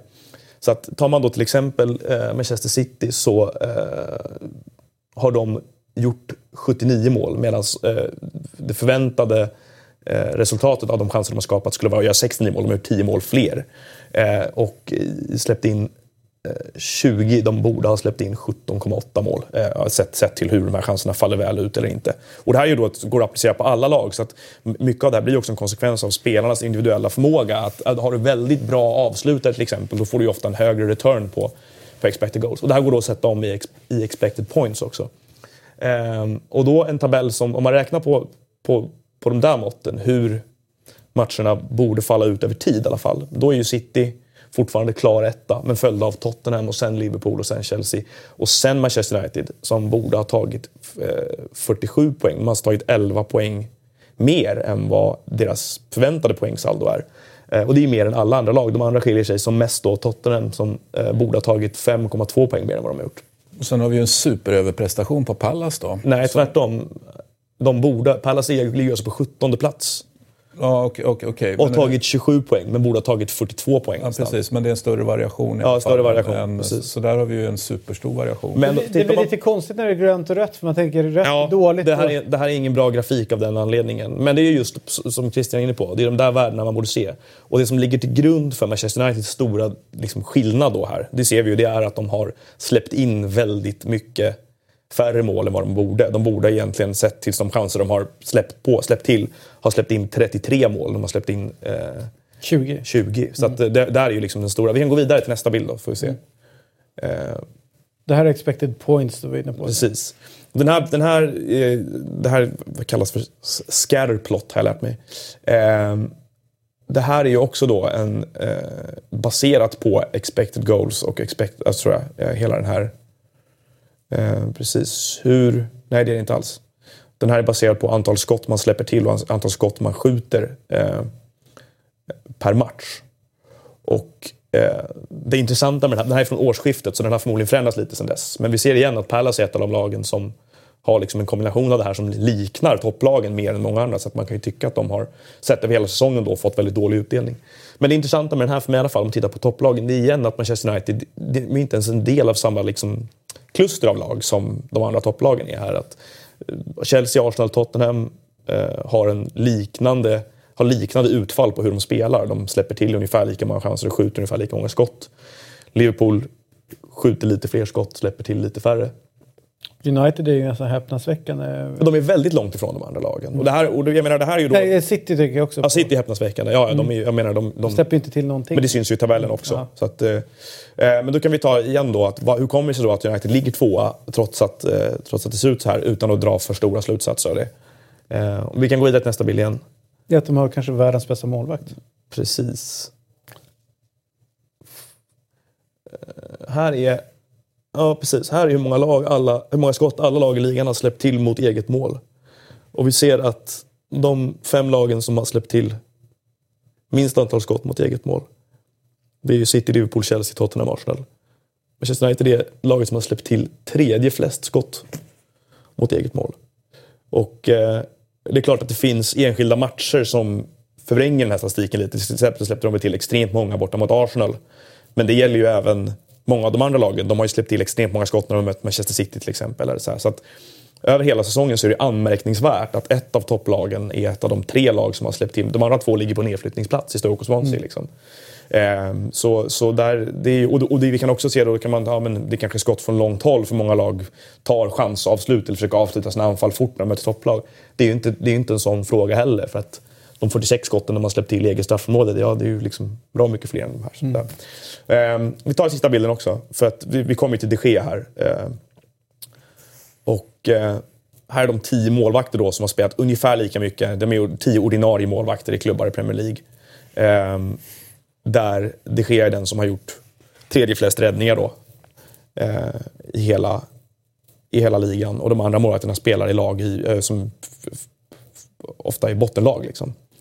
Eh, och det här, vad vill man säga med allt det här då? Att, att, ja, men det finns, då finns det ju ändå någonstans, tycker jag i alla fall, framträder för det här är ju fotboll mellan raderna på ett sätt. Det här är ju liksom underliggande siffror som visar på tendenser och karaktär i prestationer. Liksom naturen av Manchester Uniteds fotboll. Eh, och att de är lite väsensskilda i toppen. Mm. De, och min slutsats av det är ju att framåt så har de haft väldigt liksom, eh, det känns ju ofta som att de gör precis tillräckligt och det är för att de har en spelare som kliver fram när det behövs. Det är ofta Lingard bara på sistone. Eller om det är Lukaku i en annan match, eller om det är någon annan. Och det kommer säkert vara Alexis mycket från och med nu. Eh, som, som är tungan på vågen för att de har individuell kvalitet när matcherna står och väger. Men det står ofta och väger. Och de räddas väldigt ofta av David de Gea för mm. att han är en exceptionellt bra målvakt. Liksom. Han, är, han är en målvakt som, som ju gör lika många räddningar som bottenlagen men hade han släppt in lika mycket mål som han gör av alla de andra. Hans räddningsprocent borde jag tagit med också. Den måste ju vara liksom mycket högre än alla de andra. Så, så det, det ställer ju en del tydligare, mer konkreta frågor när, vad gäller liksom, eh, sättet Manchester United presterar på och hur det här skulle se ut utan det sker till exempel. Så vad är ett exceptionellt bra spelarmaterial och vad är Eh, en, en bra spel, eh, spelmodell här? Ja, det är väldigt mycket som tyder på att de, har ett, de presterar ett spel som egentligen borde ligga sexa i ligan. Men med hjälp av extremt bra individer når resultat som, som, som gör att de ligger tvåa istället. Kan man ge såklart ge Mourinho beröm för att han, för att han liksom får de här spelarna att prestera på det här sättet. Eller så kan man titta på hmm, vad skulle en tränare som har utvecklat mycket mer liksom, dominanta spelmodeller få ut av det här spelarmaterialet. Och där landar ju jag och Martin också har förstått här och även du och kanske du också till viss del liksom, i att ja, det, det, finns ju en förbättringspotential kanske i det här med Chester United-laget som maskeras lite av att de framförallt har det ske. Exakt. Eh, sen så eh, eh, vet man ju också, om man ser det, spelarmaterialet, det är klart att det finns många som ligger däremellan som har sämre material än, än, än vad United har. Men man, man börjar ju fråga sig, och om man nu måste får väl ändå lyfta på Lindelöf-stenen lite grann, på Smalling, på Jones. Alltså vad är det för kvalitet de har som topplag eh, på, sina, eh, på sina försvarare. Den, eh, Det är frågetecknet. Och sen så Matic form eller bristande form. Om man säger de viktiga liksom, pjäserna centralt i banan. Hur, eh, för, för, min bild är att det är ganska ofta misstag som gör att de släpper till chanser. Att, ja. vi liksom, att det finns en struktur någonstans i United men den individuella kvaliteten emellanåt på spelarna eller deras misstag gör att det skapas chanser. Jag tror en kombination av det. Jag håller med dig om att de har inte riktigt samma kvalitet på, på sina... Men å andra sidan så har vi ju sett Otamendi vara del av ett försvar och varit extremt misstagsbenägen. Mm. Vi har sett eh, sekvenser i Tobi Alderweirelds karriär där han har varit misstagsbenägen och sett väldigt sårbar ut hela tiden. Vi har absolut och ser fortfarande backar i Arsenal göra det. Vi har sett Liverpools backlinje begå mycket individuella misstag. Men de släpper inte till lika mycket skott. Så att jag tycker också det blir fel att lasta individerna bara. Ja, liksom, det, Nej, jag, jag, det, finns, ju absolut, finns ju absolut en fråga att ställa när det gäller, när det gäller Manchester Uniteds individuella kvalitet på försvarsspelare. Men det är också att de försvar, det här är ett lag som försvarar lägre generellt mm. än vad de andra lagen gör i toppen. Och det gör att de, hamnar, de bjuder in till press mer. Och kanske är det så då att individuella spelares kompetens prövas mer och oftare. Och då sker fler misstag. Liksom. Det... Jag satt och funderade på lite grann igår eh, under matchen.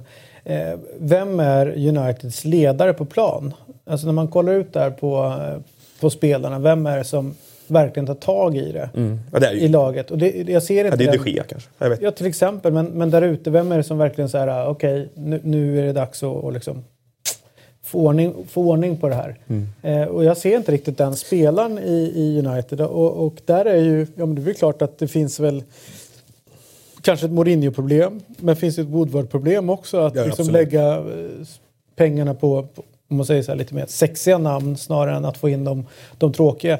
Det jag pratade om, han, Tomley, eller McTominay, det är ju att tidigare så hade de ju, men Roy Keane var aldrig ett sexigt namn när han värvades in från Nottingham. Visst, han var dyr och så, liksom, men det fanns ju där och, och, när man pratar tillbaka, liksom, Brian Robsons och, och ehm, eh, vad heter han, Steve Bruce och, mm. och liksom, sådana typer av spelare. Schmeichel som fanns, som var lite galna sådär, eller Nevilles som var naturliga ledare, som var naturliga spelare som drev på mot någonting.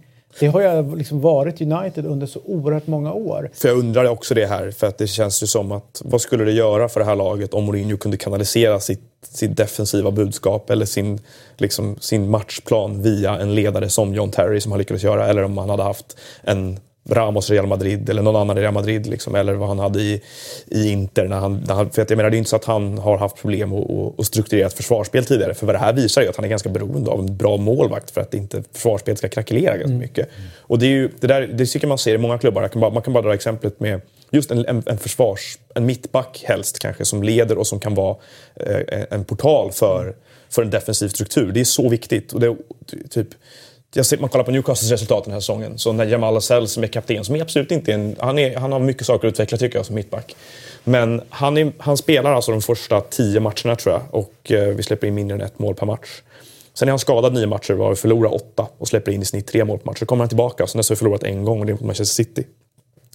Och det är inte för att han är bäst i världen utan det är för att någonting händer med omgivningen när han spelar. Han, liksom, han, han styr och ställer och strukturerar upp. Och är det Bajy som är den mittbacken här? Eh, för det är absolut inte Småling. Det är absolut inte virrpannan Phil Jones. Utan, och det är inte Lindelöf. Och det är inte Lindelöf heller. För jag tänker bara tidigare när, när de var riktigt bra i United med Vidic och, och Rio Ferdinand som mittbackslås och framför dem har han Carrick. Alltså det, det är ju det är klasspelare. Ansvarstagande spelare, ja, sätt som, som de inte som, har nu. Nej, som de totalt saknar. Mm. Och där har de ju helt missat med ja, köpa in rätt eller hitta på återväxten på de viktiga positionerna. Och som alla pratar om, du måste liksom vinna centralt i banan. Där tycker jag ändå Chelsea, om man jämför med dem då som hastigast, lyckades med, när de vann då med Kanté då, till exempel, få in honom och liksom det han stod för tillsammans med Matic då förra året. Matic började tappa formen och var ju för två säsonger sedan ganska ur form. Förra året då bra, men då vet man inte vad det är Kanté som gjorde honom bra eller var det han som liksom hade en formtopp. Nu har ju han liksom fallit tillbaka. Men de lagen som vi ser har, Eh, liksom, om man ska kalla det liksom, lite underprestera. Det är ju eh, Arsenal som jag tycker har samma problem egentligen med både ledarskapet på planen och då de som är framför där, eh, framför backlinjen med Xhaka och, och och allt vad de nu heter som springer runt och, och liksom där han inte hittar rätt. och back eh, Mustafi och Kosini och Chambers och allt vad de heter som inte är tillräckligt starka i de positionerna. Medan Liverpool då har adresserat, de behövde få in en ledare ordentligt. För Dijk är ju liksom en, en ledartyp. Och med Henderson eller med Milner som ändå spelar där centralt så tycker jag ändå de får stopp på spelet ganska tydligt. Jag tycker Liverpool har fler, jag tänkte på det nu i helgen igen här med, med dem. Det är en sån period nu där vi inte pratar om att det går väldigt bra för Liverpool. Vi pratar ofta om att ja, nu gör Klopp sina misstag. Mm. Sådär, typ, med en spelare som, som enormt underskattad i Emre Can som jag tycker ofta ser mm. väldigt ansvarstagande ut på planen också. Liksom. Det, och de har en annan sån karaktär i Henderson som kan avlösa varandra. Men jag tycker inte heller det bara faller på spelarmaterialet. För att ledare, ledare får också näring av tränare. Det är så. Alltså, en ledare får träning. Det är ingen slump tror jag att Arsenal har stått utan ledare under väldigt lång tid. Eh, det är ingen slump att Jamal Lascelles var en bänkad mittback i Newcastle som var på väg att skickas ut på lån när Benitez identifierade någonting genom att säga att dig kan, jag, dig kan jag använda för att kanalisera, du har de här egenskaperna. Man måste ge ledare förtroende och ge ledare liksom, licens att göra de här sakerna också. Där tror jag att ens, ens, liksom, det kanske igen finns någonting i, i, att Mourinho inte litar på någon av de här spelarna riktigt. Han hade kunnat göda någon av de här riktigt ordentligt. Han kanske har försökt göra det med Småling, men att det inte har funkat överhuvudtaget. Han kanske har försökt göra det med Pogba, men att Pogba är upptagen av andra saker. Carrick, hade de, Carrick för tre, fyra år sedan hade varit perfekt att använda mm. som en sån här karaktär i det här laget nu. Men han har inte haft den spelaren. Så det är både en kombination av rekrytering och lite bristande ledarskap som jag ser. Eh, apropå ditt, eh, eller vårt lilla prat eh, kring, det är ju bara en del, samtal här. Du vägrar hoppa ja, in i England eller? Jag har ingenting emot att prata England. det här beskriver ju en situation som är, som är ohållbar över tid. Med det sagt kan det betyda att tiden faktiskt kanske finns den här säsongen. Då, så, att, så att Mourinho kanske kommer undan med det. Mm. Men att eh, Martin har ju pratat om den här, just det, det, som du sätter siffror på här nu. Att det är, och Martin kanske också har pratat siffror men har inte presenterat dem i alla fall. Eh, att, att det här är ohållbart i längden. Och, och, och givet att ingångsvärdena är de korrekta och att det här är kodat på rätt sätt och allt vad det nu är. Källan visar varje bild. Ja, jo, det är det jag menar. Så att, så att, vi kanske källorna men, men jag är, För min egen del är jag inte någon expert på, på den här typen av, av, av statistik. Va? Men, men om de nu har... Eftersom du sa att det, det, det är ju kodat på massor med olika sätt hit och dit och man klassificerar chanser och så vidare. Precis. Och så vidare. Det är aldrig hela sanningen men det är ofta indikationer på saker. Ja. ja. men det är klart att det är ohållbart över tid. Och, eh, och superfascinerande, det sista vi pratar om här, alltså avsaknaden av ledare. Det tycker jag det är inte så att han inte har presterat det tidigare, Mourinho. Mourinho har ju presterat ledare mm. eh, och, och, så gör han inte det längre. Och det, och det är inte så att han precis har börjat i United heller, utan han har ju hållit på ett tag. Och att han fortfarande inte har identifierat eller fått till eller fått köpa in rätt spelare. Det är klart att det är extremt oroväckande. Liksom, är, det, är det han överhuvudtaget själv som bestämmer? Får han en, har han ens en, en säg i hur man rekryterar? Det, det sitter jag och funderar över. Eller är det så att det är bara liksom Woodward som kör det och så tar man utifrån lite sköna ekonomiska premisser. Att, Vem säljer tröjorna? Ja men, ja, men precis. Hade de, hade de mått bättre av att dra loss en, en, liksom en ledargestalt, en auktoritär försvarare än vad de plöjde ner pengar i Alexis Sanchez av? Mm. Det är en ganska relevant frågeställning mm. egentligen. Men eh, apropå då eh, Arsenal och eh, då City som vi nämnt lite grann så var det ju ligacupfinal igår på, på Wembley och eh, jag kollade den matchen via Sky Sports. Och eh, vi har ju sagt nästan allt som går att säga om City och, och det pep-tränare-lag som ändå är. Eh, och, de, de slutar liksom inte spela trots att de är väldigt överlägsna. Billiga mål givetvis som de släpper till i Arsenal. Men det som jag tar med mig från den här matchen det var ju ändå eh, en Gary Neville som sitter som expertkommentator. Och den sågningen som han, eh, som han ger sig på när det gäller Arsenal. Och jag tyckte att den var intressant därför att det var inte bara det raljanta, det, det här är dåligt eller något liknande, utan han pekar ju verkligen ut Okej, okay, Mesut Özil, du kan inte gå runt på plan. Och sen sa han så att det spelar ingen roll för mig om det kommer upp något statsen efteråt att han har sprungit, men det handlar om att springa rätt. Alltså hur ser det ut? Hur uppträder man? Hur spelar de? Alltså hur kuggar saker och ting i? Och då säger han så här att det här, det här bygget är ju för dåligt. Eh, och, och, det är ju klart att han pekar mot Arsene Wenger i det läget. Eh. Intressant med Neville som var när det var Wenger outskyltar för ett år sedan när Arsenal förlorade, om det var mot Watford eller vad det var för Jag, kom, jag bodde i England, som ihåg det, så tittade jag på Sky Sports mm. också och Wenger lemlästade fansen som stod med eh, kritiska Wenger-budskap och sa att de borde vara så tacksamma för allt han har gjort för den här klubben mm. och så vidare. Mm. Pendeln, den slår. Mm. Fast, han, fast det var det jag menar, han, han var inte det där liksom bara bort med honom utan att det var ju någonstans också att han ser ju och, och därför, ja, men det är ju klart man ska vara saklig. Ja, och, och, men, men det är ganska intressant med en som har vunnit så mycket som Gary Neville har gjort. Eh, och var egentligen inte den största stjärnan, får man väl ändå säga. Utan han var ju den som såg till så att Beckham kunde göra sin grej offensivt. Han stängde igen. Han, han var en rollspelare som blev jävligt bra på det och göra det han gjorde. Och han, han ser ju liksom så här att ja, men, sånt som han saknas i det här laget. Det, det är helt uppenbart. Det, det saknas en, eh, några som liksom underordnat sig en, en stjärna. Och som vi sa för någon vecka sedan tidigare, men att med Wayne Rooney kliver in och säger att eh, men fan, jag var tvungen att ta jobbet hemåt för att Ronaldo skulle liksom, blomma och liksom, skina. Men, men det här är ju... Jag pratade också med några som efter Östersundsmatchen säger så här, okej, okay, men fan, är det det här laget han har byggt upp? Alltså då... Bevisligen är ja, det ju det. Alltså, det, är det, de det är väl, står väl bortom är, alla tvivel att det är det. Ja, men alltså så här, det var ju en reserv, fråga då. Det var, ju, det var ju en reservbetonad elva, men den innehöll ju flera spelare som startar. Det var till och med spelare som inte ännu borde vara förstörda om du vill säga det, Mkhitaryan och andra. Liksom. det, är ju, det, borde ju, det borde inte... Det, det, känns ju, de är ju rädda. De ser rädda ut. Alltså, och ointresserade och rädda. Och jag, det, det, jag, tror, jag, tror, jag tror att det är ett långtgående konsekvens av att misslyckanden inte får konsekvenser i Arsenal. Det har varit så rätt länge. Det har varit okej okay att komma undan med sina insatser i så många år. Och det, sånt sätter sig i väggarna. Det är mm. liksom, mm. Du blir inte, det, det sker ingen liksom kick tillbaka på såna här saker. Det sker inga ut, vad ska vi kalla det för, utrensningar av spelare när säsonger har gått åt helsike. Det, sker, det, det, finns inga konsekvenser för misslyckanden. Och det är det vi, jag hade någon rant här om det här för ett tag sedan. Att jag tycker det är ambitionslöst liksom på något sätt. Det blir fejk alltihopa för man låtsas och så hålla på. Fri uppfostran. Men det är verkligen vad det är. Eller hur? Så jag menar, det, ju, det, blir ju löjligt att sitta här och gå igenom allt det här igen för vi har gjort det tusen Det är som gånger. en sån här, eh, det är som en dagisklass eller, eller någon, någon, någon skolklass liksom där, där läraren kör, ja, men det, här, det, det här är projektarbete. Ja. Jag håller mig i bakgrunden. Ja. Eh, och vi, det, det, är processen som är det viktiga. Gör det här i grupper. Se, gör det här i grupper. Ja. Det vill säga eh, vansinnigt då, såklart. ja. eh. Ska vi göra så att vi lämnar, vi alla vet ju att det är problem. Grattis till City som tog ytterligare en titel. Det kommer väl bli åtminstone två titlar minst den här säsongen. Eh, ja, de åkte ut mot Wigan i cupen. Mm. Då är det ju... Chi fick dem. Mm. Ska vi prata om Pep eller? Det som är intressant med det hela och eh, det är ju Pep Guardiola. Dels får man ändå fascineras över att han egentligen kan göra, få skit till guld. Jag tänker på Otamendi. Eh, men eh, han drivs ju utav en filosofi och en ideologi både som tränare och eh, privatperson.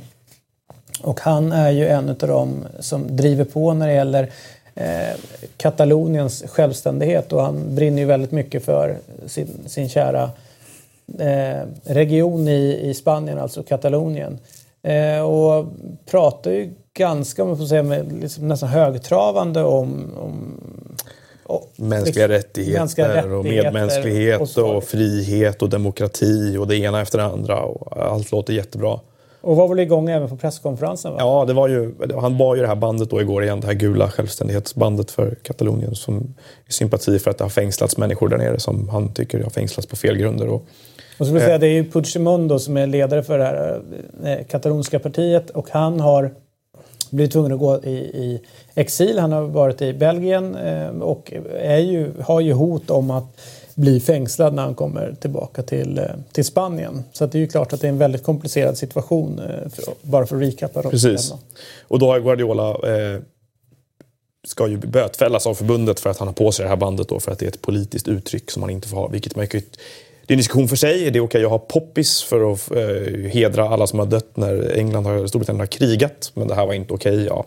Och så vidare. Att kanske, jag vet inte om det finns någon liksom, teknikalitet där, att det måste clearas med förbundet innan man sätter på sig ja, en politisk symbol. Och sen blir det ju en teknikalitet när han tar på sig en gul tröja istället. Och så, jag menar det. Ja, så att, jag det... menar, det är, det är en helt det är en lönlös diskussion. Alltså. Det är virvar. Hur som helst så hade han ju på sig igen då för att visa hur viktigt det här var för honom. Att han struntade att han bötfälldes eller skulle stängas av eller vad allting var. Eh, och eh, det blir väldigt hedervärt alltihopa. Att det är bra att han står upp för vad han tror på. Och man gillar ju när de idrottsmän och kvinnor som har saker att säga och som de tycker så är det ju, jag, jag uppskattar ju att de använder sin plattform för att liksom föra diskussioner även i, i sportens värld. Liksom, därför att det mm. finns nog många där som kanske inte tar del av den här typen av diskussioner annars. Liksom, som, som man kan nå ut till genom sina kanaler. Men det, det motsägelsefulla i det hela och det som jag tyckte var mest intressant med den här presskonferensen efter finalen då, det var när, när Pep satte sig och fick frågan om det här. Du har på dig bandet idag i alla fall, vill du berätta om det? Körde på, pratade inte bara om det specifika fallet då med de katalanska eh, processerna där nere utan gick ju igång mycket på att han var människa först och det var viktigt med mänskliga rättigheter och allt det här. Och då naturliga följdfrågan som kom från Rob Harris på, på eh, eh, Associated Press direkt. Ja, men du jobbar ju för, för en klubb som styrs från eh, Abu Dhabi med väldigt mycket, liksom, det finns väldigt mycket saker att diskutera vad gäller mänskliga rättigheter. Hur ser du på det? Liksom? det ju, och, och PEP.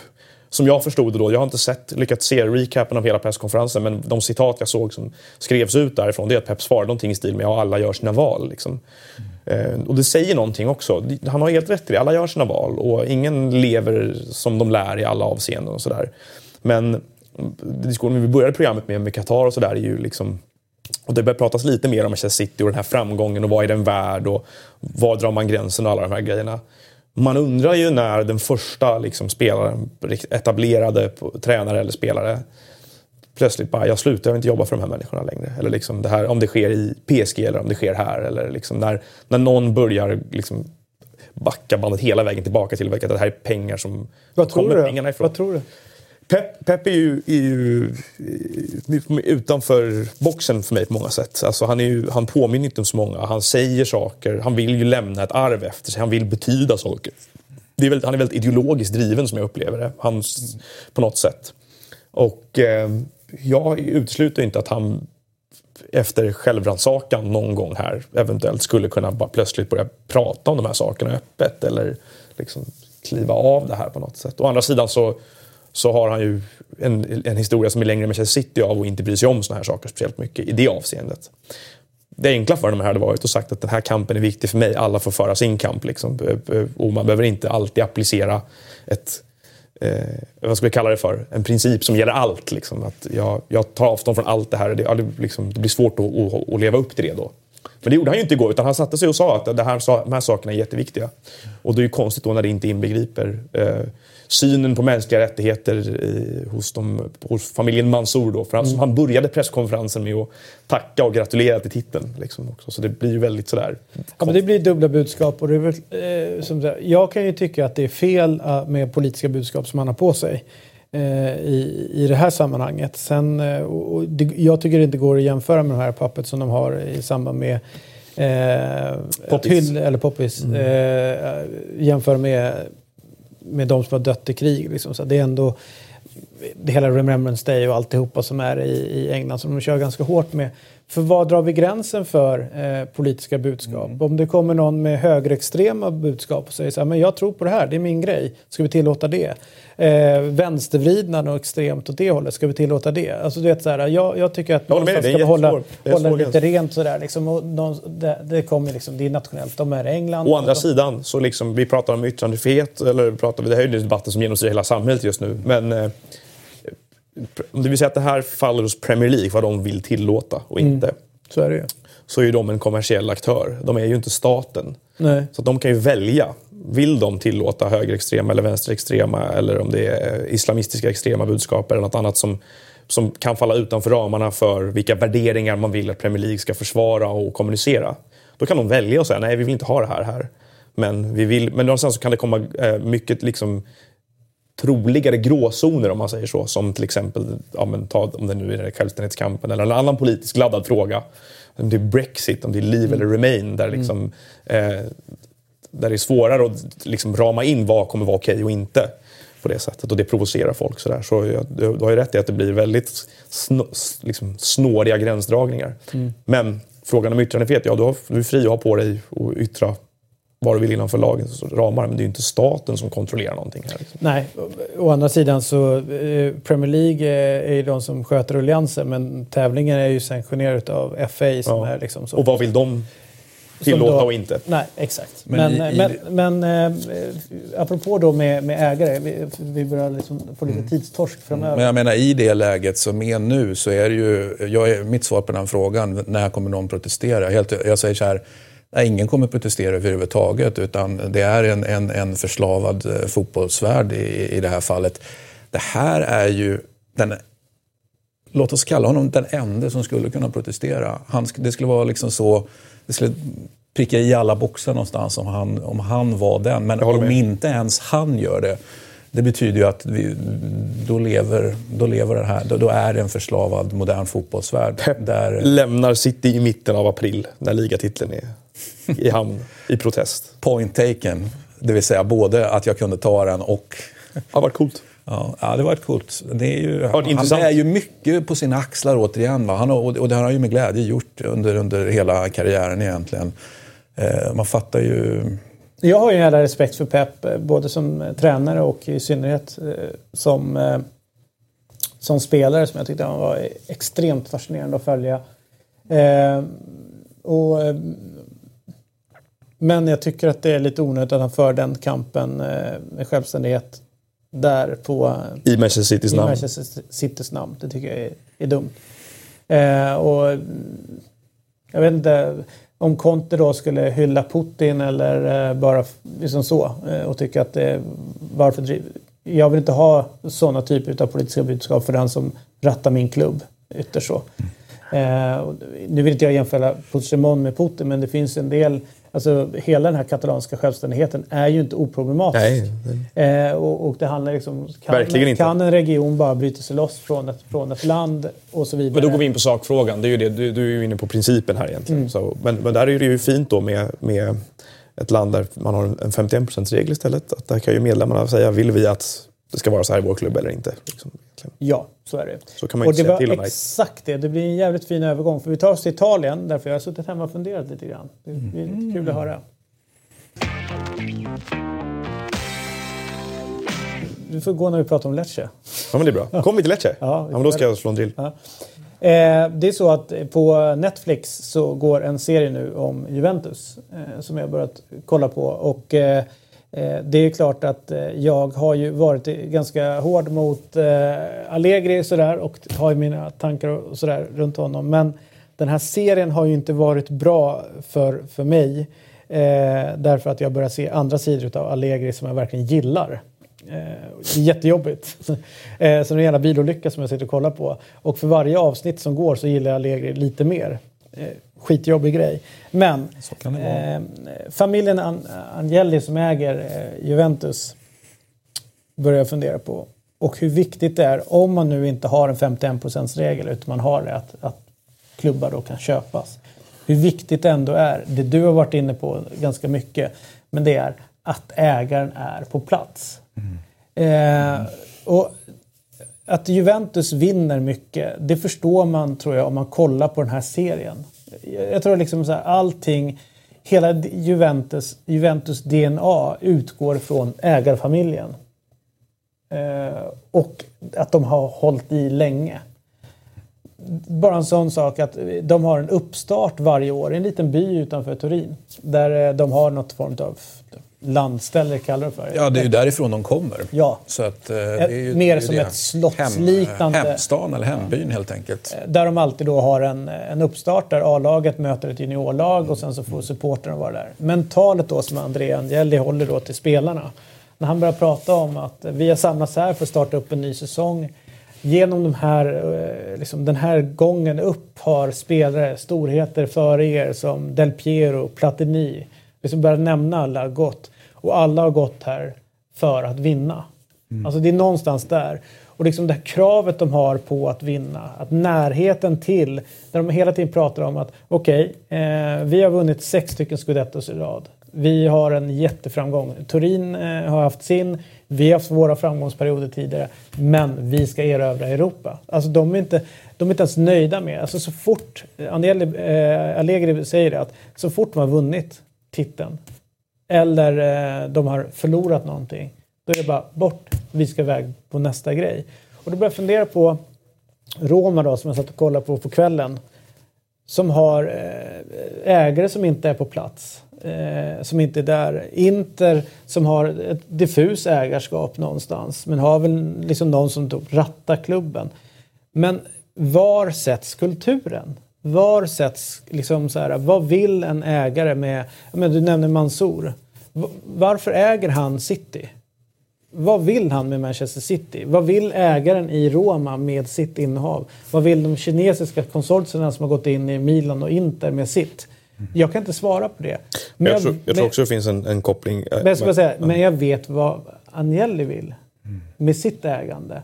Det är en tradition att familjen har den här klubben. Men framför allt vinna. så är det en kultur av att vinna. Och men, att det är stil. Alltså det finns liksom honnörsord som går igenom hela tiden. Som gör att liksom här, allt det de gör är liksom man, man vet vad man får i Juventus på gott och ont. Vi pratade om det med Christian fri lek förut. Liksom. En, en frånvarande ägare det är ju en lärare som har lämnat klassrummet egentligen. Mm. Det blir ju liksom upp till, det är för mycket eget ansvar egentligen på något sätt. I att, alltså, frihet under ansvar, det är ju frihet utan ansvar lite för ofta. Och då, och då försvinner mycket saker som är ganska viktiga tror jag. Och det är säkert, säkert att dra en parallell. Jag menar, Arsenal har ju en ganska frånvarande ägare. Extremt. Till man har lämnat det i händerna på, en, på en, liksom, någon kille i klassen istället, eller någon tjej i klassen. Som och det, och någonstans, det är ju det, flugornas herre. För känslan, känslan man får när man sitter och kollar på Juventus, det är ju att makten och de som styr klubben, det kommer aldrig vara en Allegri. Det kommer aldrig vara att spelarna styr det här. Utan det utgår hela tiden liksom, från den här lilla byn, är känslan. Mm. Där sitter liksom, nu är det André Agnelli som kör. Och han liksom, okej, okay, eh, vad heter han? Marotta är mm. sportchef. Alltså vet så här, okej, okay, du har en förlängd arm, men det är vi som styr det här. Mm. Och vi vet vad det handlar om. Och då börjar jag tänka så här, vem styr United? Glazers? De, det, är, det är Woodward. Ja, men alltså, det egentligen borde ju liksom kulturen komma därifrån, men det gör ju inte det. Nu är det Woodward som är inne och kör sin grej och vill liksom kommersialisera lite mer och, och så vidare. Alltså hur jävla viktigt det är med liksom ägaren. Och, Exakt, va? och bara för att fortsätta på det spåret och på Juventus-spåret. Om vi tar då eh, det berömda Calciopoli-exemplet då. Hur kunde det ske överhuvudtaget? Jo, det, det, det, kunde ju ske då, det vill säga att det blev ett tjänstemannastyre. Det är i alla fall ett sätt att se på det hela.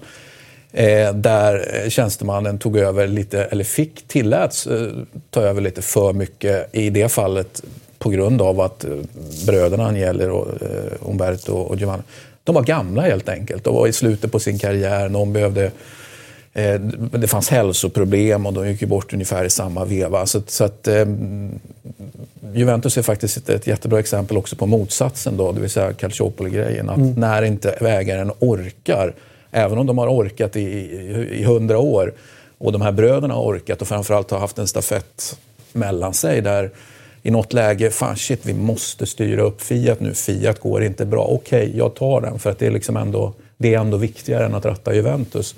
Eh, men, hela tiden liksom växeldraman. Och, och, och sen hade vi en period när man så att säga, inte växeldrog eller man drog på ett visst sätt. Det fanns någonstans en, en intern konflikt mellan André Agnelli och, och eh, Elkan-bröderna eh, uppbackad av, av Montezemolo till exempel som var, var, var, var starkt lierad till i alla fall den ena av de, de andra, alltså de bröderna som gick, som gick bort. Då, eh, Giovanni. Det var mycket prat om att han var, det kanske jag ska sitta här och säga, men att det var liksom en oäkta son och, och, och så vidare. och så vidare. Eh, så, att, så att Juventus är, är sitt, sitt eget bästa exempel på motsatsen också. Att mm. när även den här starka närvaron inte orkar vara riktigt lika stark av olika anledningar då händer det grejer. Det behöver ju inte hända ett Calciopoli, men, men någonting händer som gör att du blir sårbar på ett annat sätt. Du får en dipp på ett annat sätt. Och, och du har ju liknande grejer, om du bara fortsätter att prata Juventus till exempel, när man då har varit lite grann in between så har man kunnat få dippar och sen så i något läge, okej okay, nu har det gått tillräckligt långt, nu är det liksom tillräckligt dåligt för att vara den höga nivån som är Juventus nivå. Nu måste vi agera, nu måste vi sätta det och då sätter man det. Så har det varit. Men jag tänker också så på Napoli. De Laurentiis bor inte ens i stan. Och när han kommer ner så så, liksom, så bor han lite utanför. Han åker över till Capri och liknande va? Berättar de. Ja, det är ju ett problem. Eh, Roma har inte det på plats. Inter har det inte på plats. Milan har det inte på plats. Men, sen finns det ju... men Lazio har i och för sig, men han har ju mycket annat. Eh, Lotito, alltså han håller på med en annan politisk gärning alltså i förbundet jo, och sådär. Så. Liksom så. Men det... det finns ju såklart exempel på när en frånvarande eller sporadiskt närvarande ägare antingen lämnar över ansvaret till någon annan att vara den som är, som är hemma eller, eller, liksom, eller, eller, eller närvara med tillräcklig liksom, mm. Det får ju vara en tillräckligt då. stark ståthållare i det fallet. Och ja. de här grejerna är ju såklart, tror jag, dels tror jag i och för sig att de eh, på ett sätt kanske inte är så olika mellan länder, men sen finns det absolut skillnader mellan länder. Och då hävdar jag med bestämdhet då att, att, att, Italien är säkert ett, som en del andra medelhavsländer, liksom lite, lite söderut, att där är det helt enkelt sjukt Alltså många, vet, bara en sån enkel grej som, som eh, kommer till, eh, nu när det har varit mycket diskussion om Milan på slutet. Ja, men hur är det nu med den här eh, ägaren som är i problem och kör ut, bla bla bla. bla. En av de första grejerna som kommer upp, som alltid kommer upp i Italien, och då var det väl, det var väl inte Gattuso, det var Mirabelli, eller jag kommer inte ens ihåg vem det var som sa Ja, men lönen betalas på tid. Är du med? Det, det, det, till syvende och sist handlar allt om det. Vem degar? Men både eh, och. Men, men, och vem närvarar. Men det intressanta tycker jag med eh, Maxi Allegri, det är ju att när han pratar, det skulle kunna vara Andrea Agnelli. Alltså det, det, det är samma de har samma fokus, de har samma inriktning. De vet exakt vart de vill driva hela den här klubben. Men det är väl Juventus största styrka, och, och är organisationskulturen. Och det, liksom. Ja, och, det är, liksom... är det ju därför han har hamnat här då. För man, du skulle kunna titta på, om du tittar på eh, Allegri, dels hans, hans tränarkarriär, han, landar, liksom, kör lite, han kör ju annat också, men han kör lite Cagliari, sen så får han Milan. Eh, och helt enkelt Cagliari på en helt annan nivå. Milan ändå potentiellt på samma nivå som Juventus. Men han förstår att det är någonting mer han, han, han vill ha.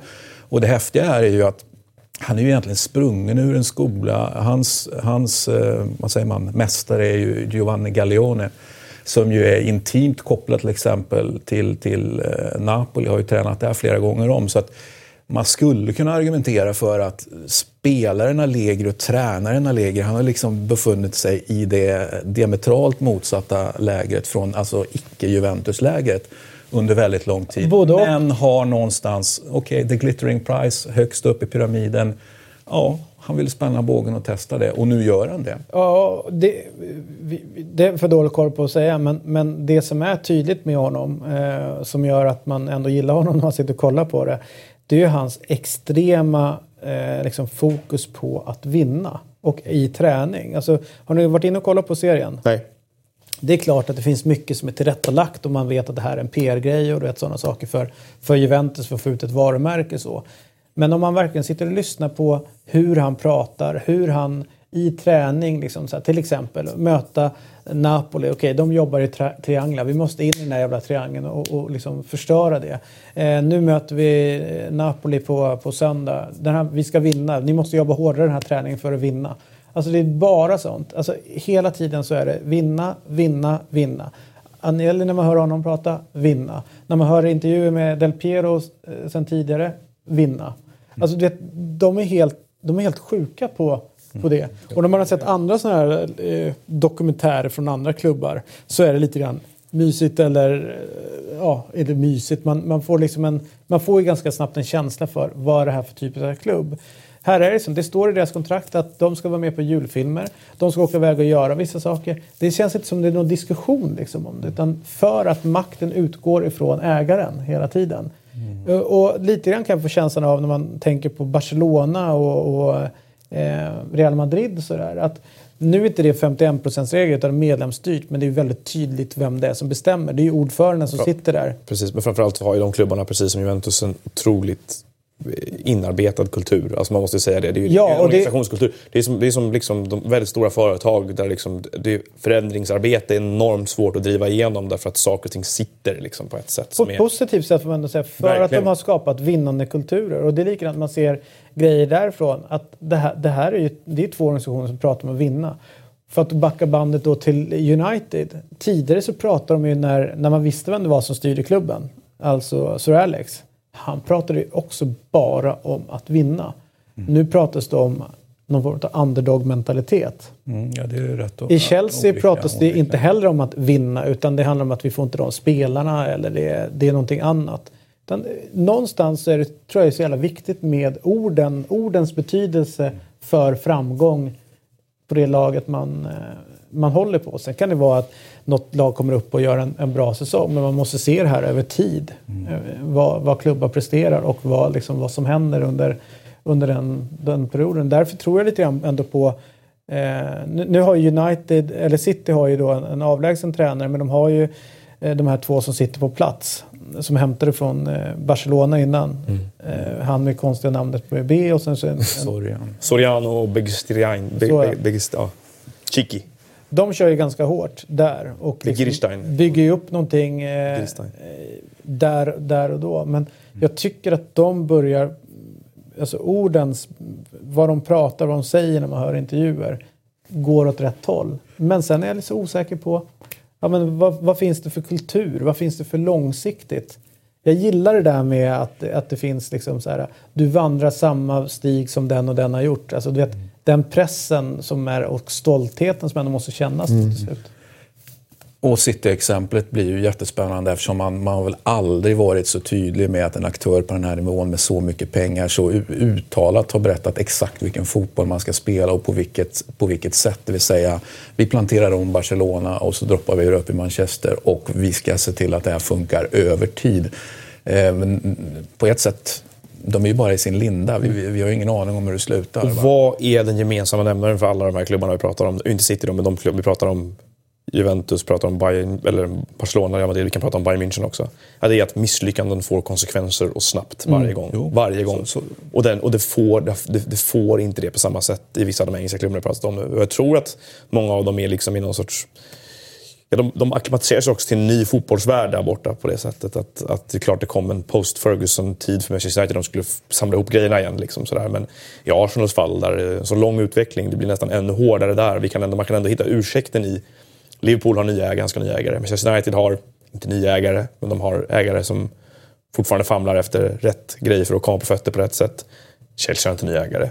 Liksom, så att där, okay, vad får... Chelsea tycker dock att fort, de kommer upp på hästen rätt fort mm. ofta när det väl inte funkar. Liksom. Så de har väl, är väl de man får ge att de har mest, satt mest vinnarkultur i väggarna av, av klubbarna i England. Som är dock nermonterade nu, för att om man kollar på det laget som, som har varit framgångsrika... Vann förra året. Så är det ju. Men eh, över tid så är det inte många kvar.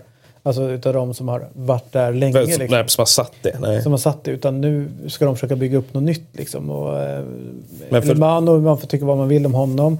Eh, är borta. Eh, folk liksom runt klubben, inne i klubben är borta. Terry är den sista i den generationen som långsiktigt har varit där. Och nu är det någonting nytt de håller på med.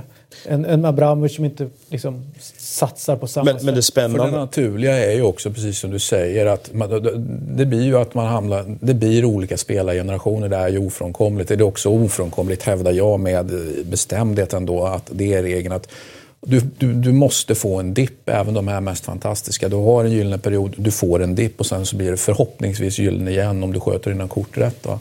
Så att, så att man kan segla omkring där uppe hur länge mm. som helst. Det, kan, det hävdar jag bestämt att man inte kan. Och, och det, blir ju, det blir ju spännande också om man, om man ser zoomar ut och ser det på någon slags system, eh, hela, hela systemet så finns det ju någonting som handlar om att segra ihjäl eh, motståndaren och, och, också dig själv kanske. Alltså att det rymningsfria fängelset är inte kanske så smart alla gånger utan det måste finnas en escape för att det ska finnas en trovärdighet i systemet. Det ska finnas någon slags humanism kvar. Det vill säga Juventus får inte vinna tio eh, i rad. För att, och det pratar de ju själva om att då blir det inget bra. Det är inte bra att vi... Alltså, det är jättebra att vi vinner, men vi måste för, för, för, för italiensk fotbolls skull och för att, vi, för att vi ska kunna utvecklas vidare och ta för oss ännu mer i Europa så måste vi ha med oss eh, övriga spelare. Och det har ju den här sittande klubbledningen varit väldigt tydlig med. Så att, och det fattar ju Bayern också i Tyskland. Har ju fattat. Ja, alltså i något, i något läge så... För jag menar, annars, Kommer PSG fatta det? Du kan ju välja att se Calciopoli ur ett annat perspektiv. Då, det vill säga att där du drev en... Du, drev en, du var herre på täppan i ett system och sen du drev du systemet för långt. Till, mm. till slut så, så krackelerar systemet för det finns så många sättningar och motstånd i systemet under dig och kanske ja. internt i din, mm. i din egen klubb också. Så till slut så kommer, oavsett egentligen hur bra du är, så kommer systemet ge dig en käftsmäll i alla fall som gör att du åker på till exempel Calciopoli. För mycket dominans föder ju också en mobilisering såklart av motstånd på ett sätt. Att man letar hela nya vägar för att, för att rå Det pratar man väl om med United i England hela tiden. Att till slut så, okay, så hatar hela jävla England United bara för att de vann hela tiden, ja, eller? Ja. Men en grej som Men, jag, innan vi går in på Lecce, som, som jag känner, ja, när, när, man ser, när man ser en sån här grej, eh, en sån här serie, så känner jag att klubbarna, om de är smarta, de skulle öppna upp ännu mera inte, inte kanske att vem som helst ska komma in, men öppna upp så man fick... Tvegat svärd det där. Men, men jag vet, förstår vad du menar. Säga, jag, jag, jag, jag, ju, jag, jag, vill kanske inte in i omklädningsrummet, jag kanske inte vill ha det taktiska. Nej. Men att höra Marquisio prata om hans resa från eh, fotbollsskolan hela vägen upp till, till A-laget. Eh, Bernadeschi och liksom hur han resonerar kring när Juventus ringde. Mm. Alltså du vet tanken kring det. Eh, att, att lyssna till eh, Chiellini och liksom att okej, okay, han är eh, ja, men, det är en som läser mycket böcker. Basket är hans största grej. Alltså hela tiden, hela tiden att, man, att jag matas med att det blir en människa, inte bara en fotbollsspelare, Nej. gör att min förståelse för eh, de här spelarna... Sen spelar det ingen roll om det hade varit eh, från Napoli, jag tyckte det var lika intressant. Det, jag, tror att sam, alltså jag tror att samtalsklimatet och hatet i sociala medier eller mot de här spelarna hade blivit minskat om man fattar att det är människor. Rogani till exempel, ute och liksom vandrar, ska köpa julklappar. Och de ska köpa, okej, okay. Barzali, en vinkonnässör. Jag tycker det är skitspännande och det, det klär honom liksom där nere. Och det hade varit mer intressant med den typen av material än Jesse Lingards Snapchats när han dansar med Paul. Exakt.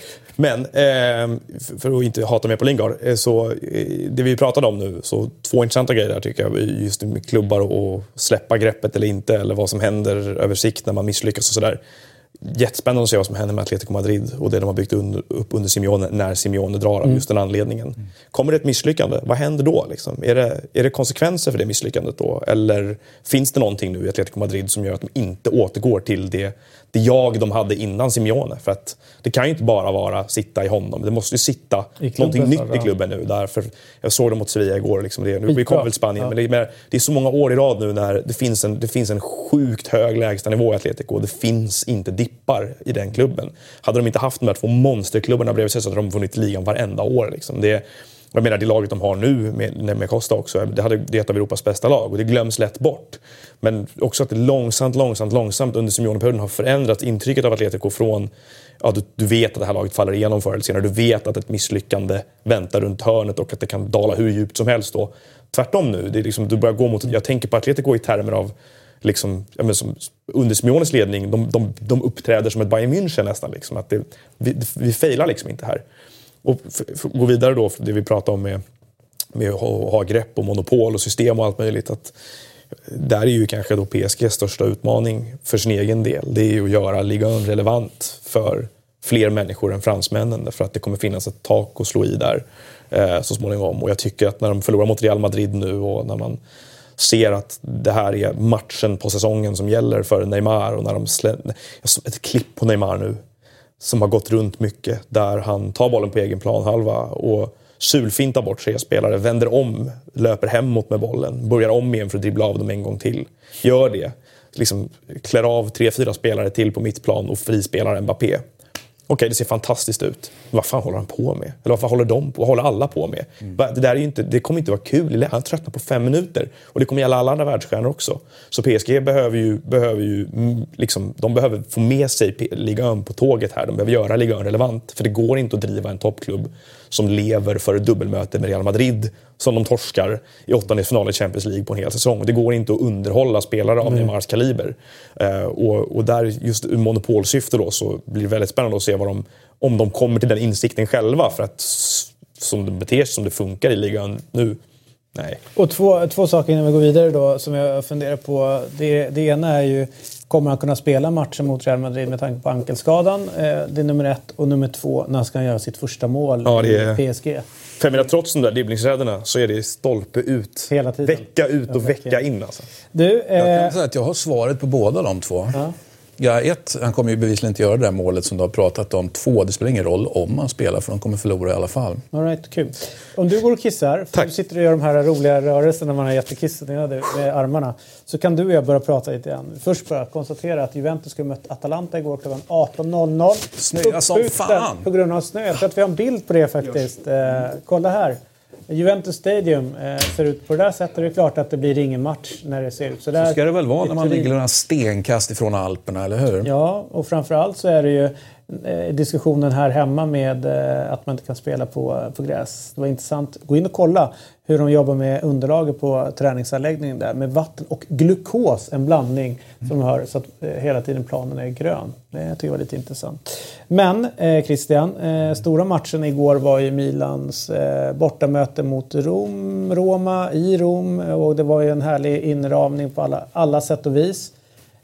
och till slut så var det ju då eh, Eh, Milan som dog det längsta strået i den här matchen. Eh, Cutrone, eller som Martin Åslund kallar honom för, Citroën. Eh, eh, satte ju dit eh, kassarna och, och visade framfötterna och så. Men jag tänkte vi börjar i andra ändan. Monchi har du pratat upp något djävulskt innan. App, app, app, app, Jag har sagt att han kommer att åka på en... en, en... Jag sa innan, när han var i Sevilla. Mm. Men nu är han då i Roma och då får man ju faktiskt, tänker jag, börja fundera lite grann kring valet av tränare och bristen på, ska jag vilja säga, i min begränsade värld, någon form av kreativitet på det där mittfältet. Ja, Monchi, Monchi. Alltså en, en sportchef ska ju, alltså en, tränare, en spelare bedöms ju över viss tid, en tränare över ännu mer än viss tid och en sportchef i ännu mer än viss tid. Det vill säga vi pratar om kvantitet här. Monchi ska självklart bedömas över tid. Det är två transferfönster. Han kan såklart inte förändra ett helt lag eh, på, på eh, en, en sommar Mercato. Men han har ju gett oss indikationer på vad, hur, hur, han tänker sig saker och ting. Självklart genom att rekrytera de spelarna han ändå rekryterade. Eh, han har valt en tränare som han ändå så att säga, valde där och då, DJ. Eh, och det är klart att vi, vi, vi sakta men säkert börjar ju att bilda en uppfattning om hur, hur det går för Monchi här. Mm. Ja, han, eh, från att ha egentligen inte fått någon kritik alls. Eh, utan snarare tvärtom så har han ju blivit höjd till skyarna. Kanske inte av supportrar på det sättet men den frånvarande ägaren, Palotta, eh, har ju liksom, när han ska beskriva, han har gjort det några enskilda tillfällen om, om, om hur fantastisk Monchi är. Och att Monchi tar det här till en helt ny nivå eh, jämfört med hur det har varit tidigare då tydligen i Roma så blir man ju lite fundersam över, över eh, ett, hur mycket fattar Palotta av det här egentligen? Två, är det verkligen så att Monchi är så bra? Eh, och det kanske han är. Tre, vi behöver såklart ha tid här. Problemet är ju bara att är det någonstans du inte har tid det blir ju aldrig så infekterat eh, som, som saker och ting blir i Rom. Då skulle jag hävda Men hans val av tränare då, vad säger du om det? Jag tycker fråge, frågetecknen är ju, var ju är ju fortfarande de samma som, som jag hade inför och som jag säkert har sagt här i Eurotalk som jag pratade om i Kilometer d'Amore. Ett, vi vet inte om Di Francesco, om han pallar nivån, det vill säga han, han självklart kommer han upp en nivå eh, när han lämnar Sassuolo och Roma. Går inte två, tre nivåer. Eller två, tre nivåer pallar han den nya nivån rent, rent så att säga, taktiskt eller om man nu ska säga tekniskt? Två, kommer han att palla den piazzan som alla pratar om som väldigt, väldigt svår så kan man ju välja att tro på det eller inte. Han har varit på den piazzan, han har varit där som, som spelare och varit framgångsrik, han har varit där som team manager. Eh, och eh, nu kommer han tillbaka en, så att säga, i en tredje funktion. Då. Eh, och den tredje grejen är ju hans eh, sätt att spela fotboll. Om, om han är för mycket om Allegri är pragmatikern, du, du, du, börjar en säsong och sen vet du aldrig riktigt hur kommer Allegri faktiskt avsluta den här säsongen. Du bara vet att, eller jag tycker då i alla fall, att man vet att han kommer att hitta rätt någon gång. Eh, även om det kan liksom inte svaja, men det kan se lite olika ut i, i början.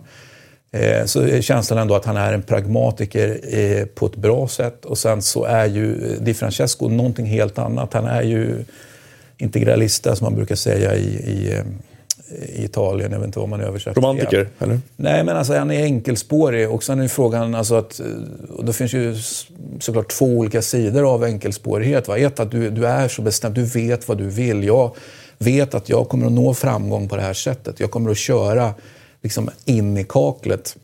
Eh, betyder det då att du, du dör när du touchar kvar? med? Du, du, du, du kör motorcykeln och så bara kör du bara rakt in i en bergvägg. Eller, eller fattar du att du kan, ja, men jag måste faktiskt kanske väja några meter innan va? För, att, för att det här går helt åt helvete. Och många gånger så romantiserar man ju såklart de här som verkligen är integralistiska. Verkligen, ja, men jag gör det här, ska jag förlora så ska jag förlora på mitt sätt och this is the way. Liksom. Eh, och, och där tycker jag frågan är då om min känsla har absolut varit tidigare att eh, DJ, han är en integralista av, av Seman-typ.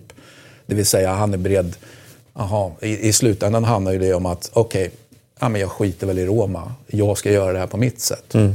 Eh, och då, då, då, känner jag ju att en tränare som agerar på det sättet, väldigt, Seman är ju urtypen för den typen av tränare. Eh, Wenger kanske också är ett bra exempel. Den sena, Wenger den senare, så att säga, eller den äldre. Kanske, kanske också halvt och halvt Bielsa kan man säga. Han är helt obekymrad över att, eh, att han tar med sig att andra går under och att klubben liksom på ett sätt går under med honom. För att det är den valda vägen eh, som jag har gjort. Men är han är... så extrem? Som ser man. Ja, eller är han så eller, extrem i sin, i sin ideologiska övertygelse att vi ska spela på det här sättet? Ett frågetecken, ja. Eh, att vi har ett frågetecken för. Och det är det vi håller på... För nu börjar det, nu apropå den här, det här torget du pratar om där nere i, i Rom som är jobbigt att hantera och liksom ja, den, den, den pressen som är. Pressen som börjar bli nu, det är ju att folk vill se honom out. Och att det börjar fingras på. Borde inte Totti ta och kliva ner i det här omklädningsrummet och börja förklara för, för Som folk? om det skulle göra saken bättre. Nej, men, men pressen ökar ju nej, bara kanske Totti här, finns där. Vad, vad det innebär att spela för Roma. Mm. Sen är det väl konstigt, kan jag känna i en sån här typ av match, att man har eh, De Rossi på, på bänken. Det är ju bara min högst personliga liksom, Ja, det var min reflektion också. Eh, tanke eh, runt den här matchen. Och, eh, Möter de inte också ett... Eh, de, det finns ju absolut inget sämre tillfälle på hela säsongen att möta Milan än nu. Nej, det var ganska givet då och, och ett tecken som jag hade kritat ner på, på om jag nu inte hade råkat ut för den där andra grejen i Europatipset. Eh, så, så, för mig var det här en ganska självklar tvåa faktiskt, att det skulle sluta så här. Eh, och, och häftigt, vi pratar mycket om problemen i Roma, precis lika häftigt är det att titta på, på saker och ting i, i Milan där det ju eventuellt finns en frånvarande ägare, men kanske en väldigt närvarande ståthållare. Eh, och, och, eh, men, men, här har vi ju två, två säsonger som egentligen går helt... Vi har en överprestation, om vi tillåter oss att kalla det, med Roma, och, som, som, kanske når sin peak med att man gör det man gör mot Chelsea och så vidare i Champions League. Och saker och ting såg eh, väldigt, väldigt bra ut. Di, Di Francesco kunde rotera. Bara en sån sak. Liksom, han bara roterade och allting bara fortsatte att fungera. Sen i något läge så slutar det att fungera. Milan gör ju någonstans precis tvärtom här. Man underpresterar ju grovt med ett helt nytt lag då förvisso. Eh, men sakta men säkert har man fått det här att fungera och eh, det är ju sjukt häftigt att se. Eh, och framförallt, vi pratade tidigare om ledare. Här är verkligen ett bra exempel. Jag säger inte att det inte finns ledare i Roma, det kan det också göra, men det finns ju exceptionella ledare i Milan på planen. Låt oss bara ta Bonucci, som ju vi har sablat ner här och konstaterat att han, han är eh, under hösten, han är, han är sämst i Europa. ja men typ, jag säger inte att jag har sagt det, men, men vi, vi, har varit väldigt eh, hårda. Eh, och det var han ju också. Men han får fortsatt förtroende. Självklart, han har kostat mycket så jag menar, det, det fanns inget alternativ att bänka honom. Ja, men det gjorde det. Titta bara med Pogba. Han går och bänka. Men eh, här väljer man att inte bänka Bonucci. Då. Han får fortsätta. Ja, men det kommer att bli bra över tid. Vi kommer, liksom, han kommer att tugga sig in i det här. Bonucci själv med sin skeva världsbild, som är ju skev kanske på ett annat sätt än Pogba, eh, pallar ju det här. Alltså, vilken annan spelare med den starten, ny kapten, du byter Juve mot Milan och sätter hela din karriär och egentligen... Så det blir en ny vända med det här. Han fick stryk av sin psykolog i en källare, där förklarar han det. Ja, fast nu har han ju inte en, en, den tränaren längre, den mentala tränaren. Men det är ju väldigt häftigt ändå att han, att han står för den här förvandlingen. För, för min värld är det ju han som styr det här. Det finns andra som gör det jättebra också, men, men liksom utan Bonucci hade ju inte det här kunnat ske. Den, den galna personen som han är. Och nu, är han ju, nu Men, fungerar ju den här Plus att det man får med honom tycker jag, eh, om man går in och kollar lite på... ledarskap. Ja, inte bara tydligt ledarskap. Jag tycker att man får någon form av... Eh, man får eh, en icke självklarhet. Eller, eh, man kan inte riktigt läsa. Som igår några gånger, de försöker gå upp och sätta press på honom. Mm.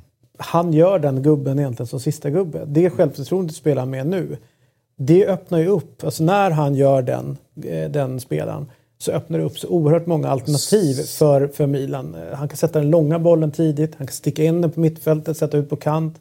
Alltså med det självförtroende han spelar så, så blir de inte så förutsägbara att liksom kolla på. Jag, vet, jag tror att Gattuso pratar om det innan, att vi måste bli mindre förutsägbara. Mm. Och det tycker jag att Milan är just nu under, under Gattuso, när man ser dem spela. Det finns på många olika sätt som de kan kan försöka söka sig bakom motståndarens backlinje. Och ingenting, ingenting smittar av sig på ett lag som mittbackar med självförtroende heller. För det tar bort rädsla från Nej, alla det... andra. Det är så. Alltså, mm. det är så. Jag tycker man ser det gång på gång på gång. När mittbackar vågar och inte ser nervösa ut, mm. då kopplar alla av. Liksom. För då blir och nu är det ju samma. Nu har vi ju Bilja i en minst lika viktig position där framför. Nu, eh, han, han gjorde ju heller mm. ingen människa glad egentligen under hösten. Nu är jag plötsligt så, ja men fan det ser ut som Bilja. Till och med en Bilja som eh, gillar mm. läget och, och, och kanske till och med har ett hack till då när han byter Lazio till Milan. Så att, eh, det är en extremt häftig för, för, förvandling, för det är ju ett förvandlingsnummer. Och det är ju inte självklart att man sätter det förvandlingsnumret. Och tänk dig de första matcherna när Gattuso tog över. Oh lalla. Eh,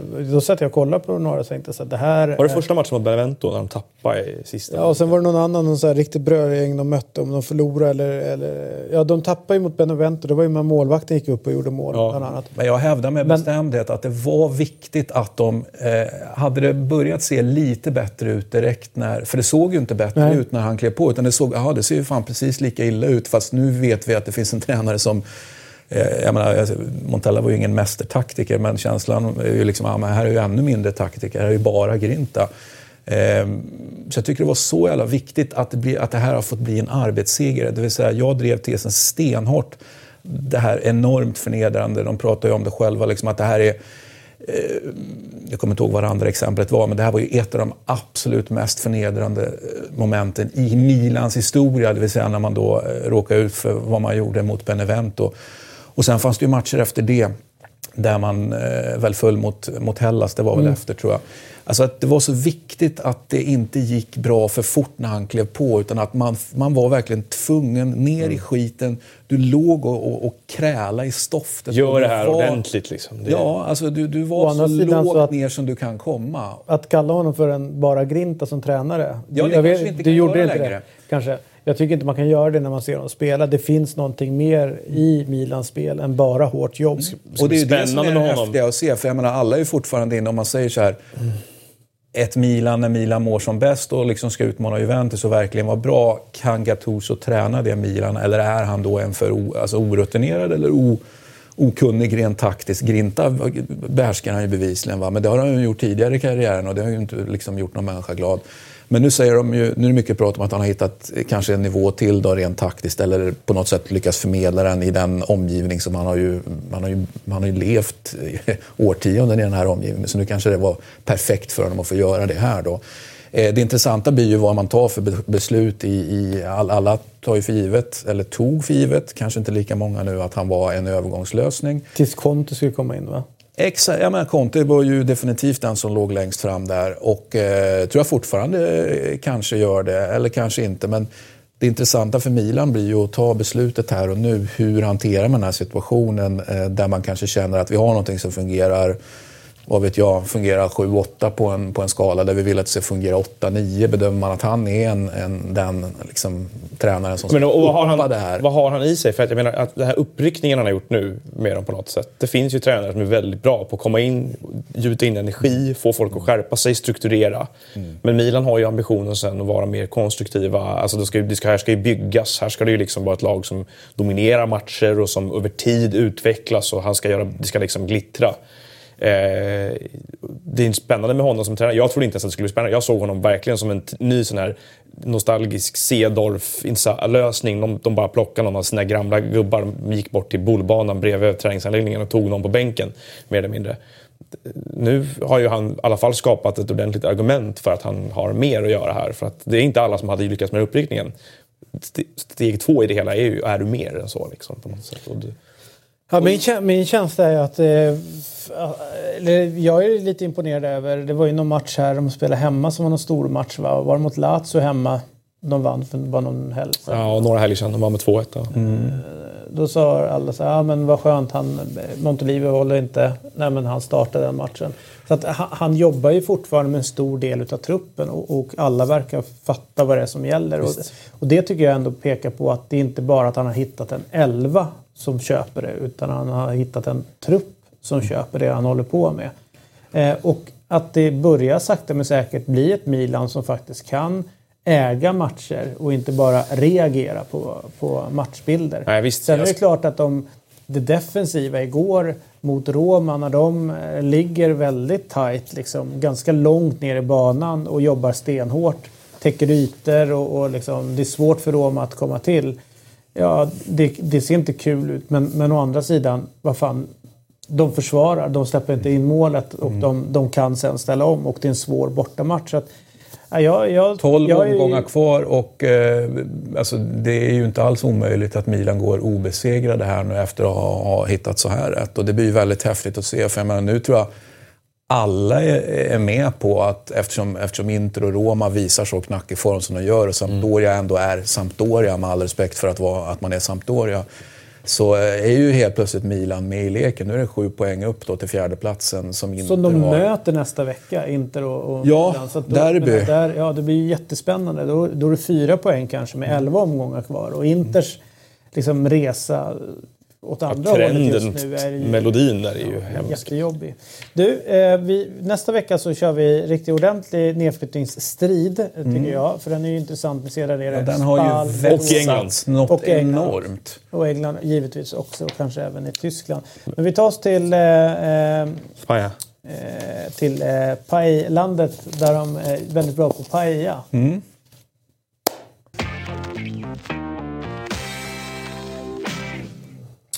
Ahos säger man i Brasilien. Ja. Där man inte jobbar med R utan det blir ett H där. Eh, Ronaldo och, och, mm. och Hio mm. istället för Rio. Mm. Men du säger arroz. Mm. Och det är lite mer spanskt. Ja, jag, jag gillar, jag gillar spanska. Ja. Ahos, jag tycker det är lite... Säger man Bohell också? Va? Istället för Borrell? uh, Bohell skulle kunna bli. Ja, men är det nu vi ska prata om hur Montella icke levererar? Eh, ja, det skulle vi kunna göra. Eh, det är ju... Men jag skulle också kunna träna ett lag och, och släppa in fem mål i varannan match. Eller inte? Mm. Ja, eh... ja, Sevilla har det ju... Jag tycker väl att 0-0 hemma mot eh, United så höll de i nollan faktiskt. Ja. Mm. Det får de vara jävligt nöjda med bevisligen. Den här matchen United kollade, vill inte gå över halvplan. Så den här matchen kollade du på ju. Ja. Eh, och som jag sagt tidigare att med eh, Diego Costa i det här laget, som du också var inne på, så har det blivit någonting annat. Ja. Eh, han är ju... Man glömmer bort hur bra han är. Alltså. Exakt. Det är så lätt han håller på med så mycket hans... tjafsgrejer ja. hela tiden. Som och han... som vi sa här för en vecka sedan, med Diego Costa in så kommer den här mannen må mycket bättre. Mm. Därför att det kommer finnas någon som tar fokus, alltså vet, publiken kommer hata honom. Motståndarna hatar honom. De på bänken hatar honom. Domarna kommer störa sig på honom. Alla kommer störa sig Det vill säga, han kommer in och leder på sitt ja, oefterhärliga ja, vis. Exakt. Det, det, är det han gör. Ja. Det är det han gör. Och, han, och, han, det är inte, och det är ytorna han skapar och han fattar och han spelar. Ett av målen igår där han släpper bollen och vänder och går i djupet direkt och vinner den där straffen som han gör helt briljant, hela den aktionen det, liksom, det, är, det, finns få anfallare i Europa som är så här bra. Alltså. Det, man, är, man, sitter, man sitter och bara... Vad har du varit i ett år? Exakt, och, det, är så, ro, och det är så roligt så här, när, jag, eh, när jag hyllade honom då när han var i Chelsea. Typ man älskar honom med sitt lag. Ja. Vet så. Då blir man kallad för smuts och han är ett svin och alltihopa. Men han är ju det. Men nu får han ju inte lika mycket utrymme för att han, alltså medialt här i Sverige då, för att han inte är på de brittiska öarna. Nej. Men det är ju någonting fascinerande med honom. Eh, det här halvåret han då inte har kunnat få spela fotboll så har han under rätt lång del utav den här perioden hängt med polare. De har grillat, de har druckit bira. De har hållit på liksom Alltså, han har varit, luffat runt liksom. Han... Var inte det det handlade om i Chelsea? Att han var sur för att han inte fick dricka öl i omklädningsrummet? Först. Ja, bland annat. Ja. Och det sjuka är ju att han inte verkar ha någon uppstartstid. Alltså det rimliga hade ju varit efter att ha gjort ja, det där. Men de, vi, vi, vi får ha lite bara... tålamod. Men det, vi behöver inte ens Nej, jag tänkte börja göra mål direkt. Ja. Men, äh, men det, den grejen igår, den här minuten av honom där han... Äh, vad gör han? Först sparkar han ner någon, sen filmar han för den armbåge han ska få i ansiktet. Och sen så snor han bollen av Banega som ju då Mourinho var ute och pratade om efter Champions League-matchen i veckan. Att det viktigaste för oss var att stoppa Banega mm. för han är så himla bra. McTominay var på honom. Ja, det var matchplanen. Det var viktigt att stoppa Banega. Och Costa snor bollen av Banega på gränsen till straffområdet. Och krutar in 1-0. Mm. Det, det var liksom ikoniskt på något sätt i hela det är, ju, det är sjukt, eh, apropå, jag tar mig gärna till Sevilla, jag var tvungen att titta till tabellen här. Alltså det är fyra lag som har släppt in i, i spanska ligan som har släppt in fler mål än Sevilla nu. Det är ju faktiskt ganska anmärkningsvärt när, man ligger, när man ligger där uppe och är så potentiellt bra som man ändå får, får säga att de skulle kunna vara. Och, ja, vi kommer tillbaka till Atletico. Men för, när det gäller Sevilla så... Eh, jag minns matchen för ett år sedan eh, när, de, när de mötte Atletico hemma. Eller förra var hösten 16. Förra säsongens hemmamöte med Atletico. Och det var en ruggigt bra match. Det var sjukt tajt. Två riktigt bra lag som möttes. Och en som C avgjorde för, för Sevilla till 1-0 till slut. Liksom. Men, och, så, liksom, och då vi pratar om att Atletico har blivit någonting annat under Simeone, att man vet vad man får. De kommer inte gå in och göra... En, de gör ju inte en dålig match när de förlorar. De kommer absolut inte göra en dålig match nu, men vad Sevilla gör en dålig match alltså. De är ju... Och de har, de har liksom som ett gäng sågspån på planen. Ja, men luften har ju gått ur det här projektet. Det, det, känns ju väldigt tydligt. Oavsett de individuella kvaliteter som finns hos spelarna. Alltså, vi liksom pratar ju inte om att det är dåliga fotbollsspelare, men det där var ett lagbygge som hade nått vägs ände, på något i alla fall på den nivån som Sevilla är. Och, eh, vi får väl se hur lång tid det tar att bygga, bygga nytt. Då. För jag menar, sportchefsfrågetecken, tränarfrågetecken eh, och mm. med efterföljande spelarfrågetecken. Jag tycker att frågetecknen liksom verkligen an, det är en ansamling av dem i Sevilla, den här delen av Sevilla. För, för det blir ju lite... Jag liksom, jag ser, man ser många som direkt nu pekar finger på Montella och säger hur kunde de anställa honom efter vad han gjorde med Milan och sådär. Men jag har ju svårt att bara lasta Montella, både i Milan och här. Att det, är, det är ju två, och det är många Milan Sport som säger emot och det har jag, jag är väldigt ödmjuk inför att de har sett mycket mer och mycket bättre förståelse för vad som var Montella och inte i Milan. Men som den här säsongen tippar nu, då tippar den ju inte speciellt generöst för Montella. Därför att han Nej. lämnar Milan som eh, liksom en, en skrikhals, kommer in och bara skärper upp på fem minuter. Och, vi får något mer. och vad gjorde han innan det? Då gjorde han Sampdoria, där han efterträdde Senga. Och alla tog för givet att det skulle bli en förbättring, för Montella kom med det ryktet. Jaha, det blev inte alls en förbättring. Så vad så... lever vi på här i Montella nu? För jag har ju fortfarande, ja. jag har fortsatt hitta ursäkter för honom. För mig själv, han måste ju om inte annat köpa sig själv tid. Så ja. han, om han nu ska leda i bevis att han kan sätta olika, olika typer av, eller han kan sätta ett projekt som är Montella-signerat. Eh, så, så liksom minimikravet på det då är ju inte, alltså jag skiter egentligen vad han säger till spelarna, fast det gör jag inte. Men att han inte kan köpa sig då tiden internt med klubbledning, med sportchef så att någon håller hans rygg, det är ju egentligen det mest ödesdigra alltså, eh, betyg man kan ge honom. Att han köper inte sig själv tiden, så han kommer, med andra ord, han kommer aldrig få eller aldrig var hårt sagt, men han, han får svårare i alla fall att få tiden att sätta grejerna, mm. att mm. lyckas. Och Har du inte det på den här nivån, då, då, alltså, det bevisar ju bara att han inte är på den nivån. Om vi nu pratar om att han skulle han är, han är gilla en tränarelit. Det gör han ju absolut Men han har fortfarande inte. valt klubbar i ett, eh, vad ska vi säga, på en hylla som är, som är strax under toppen. Exakt. Då har ju den klubben av klubbar han har haft tillgång till. Det kommer han inte ha om han misslyckas här också. Så det, Nej, det Men det som är intressant med Atletico de Madrid är ju eh, inte bara det offensiva som det är ganska lätt att fastna i. De har alltså släppt in 11 mål. De har 11 mål på 25 möten. Och då släpper och, och, de in två av dem igår. Det var nio innan igår. Eh, det, det är ju... När man ja, pratar är, om Simeone så pratar man liksom det hårda jobbet eller du vet, det var lite fokus på Griezmann eller eh, det. Men han, till att börja med, vi pratade om de Gea tidigare, så kanske en av världens bästa målvakter.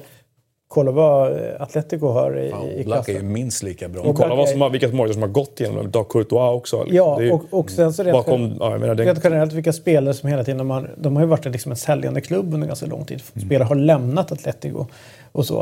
Eh, men, men då är det så här, Godin, ja, hur, hur högt ska vi ranka honom då? Mm. Ja, hur högt som helst. Ja, alltså, alltså, hur, hur, jag menar, just, man tänker på en spelare som Filippe Luis igår igen. Mm. Som, jag menar, för en som följer engelsk fotboll mer så har man bara den där tjafssessionen i Chelsea där han bara var, var ju totalt liksom så här, Det blev ju inget bra. Liksom. Men han är ju, han är ju absolut en av världens bästa vänsterbackar han Atletico Madrid. Mm. Man ser ju få spelare som håller den nivån. Och man, det, det är också, de, de, de hamnar i skymundan de andra två klubbarna där uppe hela tiden. Jag tycker det, det, vi borde egentligen prata ännu mer om hur bra det här laget är. Och framförallt så är det ju så är det ju sjukt att de, att de inte ska spela slutspel i Champions League nu. Det är mm. Så bra som de är. Ja, men det är faktiskt sjukt. Det är sjukt. Det är, och det är faktiskt synd. Ja, jag tycker också det. Jag hade velat se hur långt det här laget hade gått nu med Costa in också. Det... Och det, det är inte så, Barcelona kan man argumentera för att med Messi och med alltså, alltså den, det laget de har då med Eh, visst, de gör det jävligt bra, men deras offensiva, eller deras offensiva spel är ju också deras bästa defensiv, om man får mm. prata om det.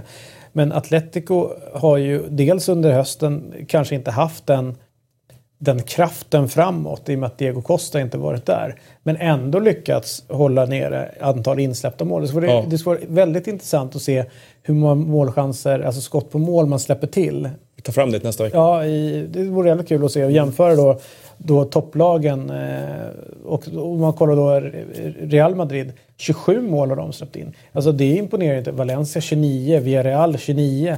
Eh, om man kollar längre ner, Bilbao 28, Leganes 28. Så det, är liksom, de sticker ju inte ut speciellt mycket där och Real sticker ju liksom ut kanske med offensivt, att de gör mm. mål. Men de släpper fortfarande till och, och, släpper in mål. Det går ju att argumentera för att det här att, är Europas bästa defensiv. Alltså det är ju Europas bästa defensiv. Ja, det är inget lag som har ett lika bra försvarsspel. Så det är ju... absolut inte Och då, då var det intressant att liksom det vi pratade om dem med England. Ja. Alltså inte vad är bara kolla, bakom det här? Ja, vad är siffran bakom? Men sen vill, man, vill jag gärna lyfta upp de som är framför. Alltså liksom det kollektiva. Mm. Atletico, det är ju verkligen ett lag som har ledare på så många olika positioner eh, i laget. Alltså, du sa att Diego Costa kommer in och leder. Mm. Han kanske inte är den här som står och... Där, Ja, han är ju inte en så. traditionell ledare. Nej, men han är ju en, men sen som mittfältet har vi, har vi hur många ledare som helst känns det som. Och, och även i backlinjen. Barcelona samma sak apropå ledare någonstans. Så har, trots att de har Piqué på plan så, så har de bara släppt in 12 eh, mål. Men där finns det ju, menar, Iniesta leder ju på sitt sätt. Busquets, Busquets leder på sitt sätt. Eh, eh Messi. Messi gör det på, och Suarez faktiskt på ett konstigt sätt gör ju det med som, det, det, som verkligen lite Diego Costa i det amerikanska sättet. Ja, Diego Costa-eska ja. sättet ja. att ja, De har ju väldigt mycket likheter på det sättet. Så det, och jag tycker även Jordi Alba på något sätt mm. leder by example. Mm. På det mm. sättet han jobbar och, och vet, sådana saker. Så att, det, det vore jävligt kul att, för det är ganska lätt att man hamnar liksom skrapa på ytan runt det liksom, men de underliggande siffrorna kring... Eh, kring Vad Atletico gör. Och, och, även liksom de här topplagen mm. gör. Valencia är ju, tycker jag också intressant att titta på. Som vi trodde liksom efter några, de hade en tung förlust. Eh, var det mot Real? Ja, hemma med 3-0 mot Real. Exakt. Och sen torskade de en till match. Var det borta mot var det Barcelona de hade sen eller? Nej, de torskade borta mot, var det Celta eller? Jag minns inte. Någonting. De torskade för ett par matcher raka som de, de inte borde torska. Precis, men ändå nu verkar vända tillbaka. Mm. Eh, nu... Starkt också, på tal om att inte gå ner sig i svackor. Då. Och där kan man ju tycka att Marcelino har varit under ett par år i de klubbarna har tränat en Simeone light på det sättet. Mm. Att han har haft en sjukt stark, strukturerad, hårt arbetande, ofta 4-4-2 på pappret i alla fall, som liksom, ja, som, som är inte impotent på något sätt, men som är enormt, håller en enormt hög koncentrationsnivå med hela säsongerna och inte hamnar i de här dalarna liksom. Som, ja, men ta då, den här dalen som, som en Montella befinner sig i nu. Jag menar, det är ju, då, då, det är en helt annan, en helt annan av helt annan natur. Det som är intressant, för jag satt och tänkte på det, för jag satt och kollade lite grann på spansk fotboll då efter, eh, jag kollade på ditt Arsenal då som förlorade eh, mot Manchester City. Eh, men eh, och, och, då visste jag att då, nu sitter han någonstans på någon kaj med någon Toscano och bitter och du vet På vägen saker. hem från Arja Piccola min vän. Till exempel. Men då, är det, då börjar jag tänka så att tränargärningen i Spanien tycker jag är jätteintressant. Nu var det lätt för oss att landa in på Montella för han har en Italien-koppling. Men det finns ju tränare egentligen som inte direkt snurrar men han har varit lite klubbar. Och om man kollar på hur de spelar sin fotboll i den spanska ligan. Både taktiskt kunnande och, och liksom både offensivt och defensivt ja, ja. och så. Så undrar jag emellanåt varför inte ja, men vad skulle en annan... Jag inser nu liksom Arsenal exempel, de har ju kört fast. Någonting behöver hända. Till exempel, vad kan en annan tränare göra med det här materialet som inte är... Det är inte kattskit rakt igenom. Det finns ju... Men Mustafi var ju faktiskt bra när han var nere i Valencia. Det, han var ju inte så här dålig. Korseni gör det bra under Duchamp, Duchamp i landslaget. Han är inte så där dålig. Mm. Eh, Ramsey gör det bra. VM-guld. Ja, det, det, det, det är någonting ja. annat. Som, vad, Tänk man skulle gå ner och liksom försöka botanisera bland tränare i, Spa i men De har ju gjort försök i England, men det är ju problem, äh, ja, problem också att man... Ja, men kolla, ett par, ett men kolla par... Benitez vad han lyckas med när han kommer ja, Benitez då, Robert Martinez har fortfarande ja. gjort bra saker i England. Så det, är inte, och då, det, det, som borde ha fått större genomslag där det är ju egentligen när Martinez tog över Swansea. Och det han gjorde med Swansea och det Swansea gjorde efter Martinez. För att de bröt ju en trend fast det var längre ner i divisionerna. Det var nere i League One. Och de, med, med hjälp av egentligen ett större bollinnehav passade bort hela, krossade hela den divisionen. Men det fick inte tillräckligt med ringar på vattnet och sen Martinez hamnade i ett resurssvagt Wigan. Han gjorde en bra sång med Everton men sen så hans misslyckande där då blev ju liksom eftermälet istället. Då har Pep Clotet som har varit inne i Oxford nu fick sparken efter halva säsongen för att det inte gick bra också. Pepe Mel som kom till West Bromwich. Så jag menar, de där, ett par sådana där intryck, och då, då ser de att Pochettino istället som de har plockat från, från spansk fotboll, även om han är argentinare, då, att han är one of a kind lite grann kanske. Att man, att man ser att det finns mycket intressanta saker att ta av i, i spanska tränarbeståndet. Men jag tycker, jag tycker samtidigt att många av tränarna i Spanien liksom, de, är ju, de rör ju på sig också. De är ju liksom, de, det är ju inte, det är inte helt bortglömt. Och vedertagna bland de flesta som ser mycket spansk fotboll och ser andra ligor i Europa som jag tycker i alla fall börjar bli en etablerad sanning nu att det är ju där den bästa fotbollen spelas. Ja, men det är inget snack om saken. Både, både, jag tycker det går ju framåt även Tidigare har man kunnat argumentera för att Italien var väldigt taktiska och det är väl klart att de är fortfarande väldigt duktiga på det. Men att Spanien inte hade det, men det, det, där är de ju helt... Eh, men vi, vi var inne på alltså för några veckor sedan, vi var inne på för några veckor sedan när det gäller Tyskland och tränare och Martin hävdade en här då att, eh, jag menar, minns det här, att ja, men det var överskattning av den nya vågen av tyska unga tränare och sådär. Liksom, ja, och den diskussionen kan vi lämna därhän, men vi, jag menar, spanska tränare i regel, är ju, i alla fall som jag har upplevt det, vi pratar om att det, det sker en förändring i Tyskland med en yngre generation, de är yngre. Men spanska tränare, jag menar shit, det är väl ingenting att liksom, diskutera. Du, eh, innan vi slutar så tyckte jag var en ganska intressant sak och det är ju, har ju med Spanien att göra. Det är ju eh, Nasri som är, eh, han har blivit avstängd i tio månader från all fotboll på grund av en bild han la upp på, på, på Twitter. Och det är så att han har eh, åkt till då någonting som kallas för Drip Doctors eller liknande och det är ju då att han, de, de initierar då eh, Eh, Eh, medel i kroppen för att man då inte ska råka ut för eh, alltså dehydrated, alltså bli ut, uttorkad och, och liksom att man liksom håller sig på, på topp hela tiden. Och då finns det någonting att man får inte injicera eh, över en viss mängd i, en, i kroppen om man inte är dokumenterat sjuk. Och då, då kan man bli... Och det där stället är tydligen då, eh, vad jag förstår, eh, jag kommer inte gå i döden för det, men det jag läst mig till är ganska känt för att vara lite shady när det gäller just dopning och de kan initiera saker som kanske inte är helt okej. Okay. Föga överraskande att Nasri gick på den lätta, eller? Men det var det inte även i samband med det här, den här jättegrejen med Nasri var lackade på att de la ut den här bilden fram och tillbaka och twittrade och la ut bilder på den här stackars tjejen? Och... Så, så, kan det säkert vara, men, men då börjar jag tänka på just det här med, menar, vi har precis sett eh, OS och det är ju, menar, det, det är ju vandrande astmamedicinskåp som har plockat 38 medalj, medaljer ja. liknande. Alltså Norge. Eh, och vi har sett ryssar vinna, alltså, liksom längd och sådär liksom. Som man då kan argumentera kanske lite för vandrande medicinskåp. Och, så och själva är vi helt utan skuld i det land som är Sverige. Ja men det är klart. Här, eh, vet här inte, vi inte på med Vi vet inte ens vad dopning är i det här landet. Nej. Det är någonting som förekom. Jag har ingen aning vad det heter. Jag har hört det ordet. Det är ett engelskt ord. Ja. Ryskt. Ja, det är ryskt. Eller norskt. Eller norskt. Men eh, det intressanta med det hela, då börjar jag fundera på eh, det är, eh, jag tror att eh, det här är ju, det här är inte ens toppen på ett isberg. Det här är liksom en, en, en snöflinga någonstans på ett isberg när det gäller dopning inom fotbollen. Mm. Eh, men är det så att täcks det över, alltså dödas det? För jag är helt hundra på att spela 82 matcher som en del gör under en säsong, den påfrestning som ändå är, eh, och att de orkar vecka ut och vecka in. Alltså, hur, hur ser det ut? Alltså, är det, eller är det bara jag konspiratorisk i det hela? Jag tror precis som, alltså, som det här är generellt att klubbarna trycker i spelarna allt som inte har hunnit dopingklassas. Liksom, känns det som. Och sen så hinner, hinner liksom dopingklassificeringen ikapp och då slutar man. Då tar man nästa grej. Liksom, för det kommer ju nya grejer hela tiden. Och känns som att det är nya rön hela tiden som säger det ena eller det andra. Och nu har det varit någonting på slutet här med att Tottenham och Juventus och annat lag ska börja med någon ny energidryck och fram och tillbaka. Och det, men det känns ju också som en helt omöjlig sak att lagstifta. Du får inte äta slut, vad ska du lagstifta om då? Du får inte äta Bör det vara fler kontroller? Bars, liksom. alltså bör Fifa eller Uefa, eller ja, Fifa då, bör de satsa på ännu mer kontroller runt fotbollen så att, så att den verkligen är ren? Eller, eller mår vi bäst av att inte veta? ja, det, det låter ju skulle vara vedervärdigt om, om det skulle vara så att vi mår bäst av att inte veta. Men det är klart att om vi fick veta så skulle, skulle, så skulle vi kanske ta vårt pick och pack och dra. Eh, och, och börja jobba stenhårt för det. Men det är väl jag menar, det där är väl överförbart på, på samhälle och politik. Jag menar, hur många orkar bry sig? Eh, är du med? Slavarbetare gör din, din iPhone. Jag säger du bryr dig, men, men eh, en stor majoritet gör fullständigt fan i vem som gör den där och till, under vilka omständigheter det sker.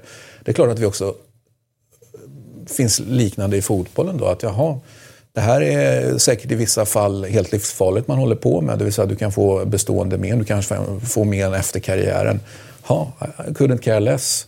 Eh, fast det är klart att vi, bry, vi borde bry oss, men, men att vi, klart vi helt bekymmersfritt bara trycker i oss det här. För att, ja, lite strutsen och, och det där. Det som talar mot att det skulle vara lika utbrett eller vanligt förekommande i fotboll för mig i alla fall som det är i vissa andra sporter som vi pratade om innan här. Det är ju att den inte är lika uthållighetskoncentrerad liksom som de är. Alltså den är ju, det finns ju andra egenskaper hos en fotbollsspelare än att vara uthållig.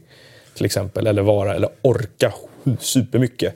Som gör att det är ju den tesen Martin driver hela tiden. Nej, men ja, okay, det gör han kanske. Ja, men han säger att, ja, men att du har ing, finns ingen utveckling. Jo, det är klart det finns en utveckling. I, men den är inte lika fotbollen. avgörande för resultatet som den är i längdskidor eller den är i cykling till exempel. Men då tänker jag bara en sån sak som vi säkert pratade om tidigare också. Men, men, eh, men rehab, rehabgrejen då? då? Då skulle ju så att säga, fusk kunna vara du kommer tillbaka snabbare om, om du, om du eh, fuskar lite grann. Så här, om du investerar en miljard eh, kronor i, eh, i NOA. Mm. Hej. Nog fan skulle man göra precis allt för att få tillbaka honom på plan så fort som möjligt. Ja. Framförallt då när mars börjar komma igång och, mm. och så säsongen ska avgöras. Jag säger absolut inte det så. Jag bara funderar på att äh, men om han, han åker iväg dit vi vet ju ett tag så var det några som åkte till någon läkare i, i Italien för att liksom bli mer... Eh, och jag hatar att säga ju... man vill bli mer fit. Eh, men, mm. det är ett bra ord. Ja, precis. Och det blir väldigt... Ja, det blir fel. Det blir fel om man säger det i bestämd form. Men, eh, alltså försvenskade till... Ja, vi fattar vad du menar. Ja. Men eh, som för övrigt en sa när jag satt och intervjuade eh, den här spelaren eh, i, eh, i en handbollsstudio. Ja. Och jag är så pass barnslig så jag kan inte, inte skratta i det läget. Skitsamma. Så kan det vara. Eh, men...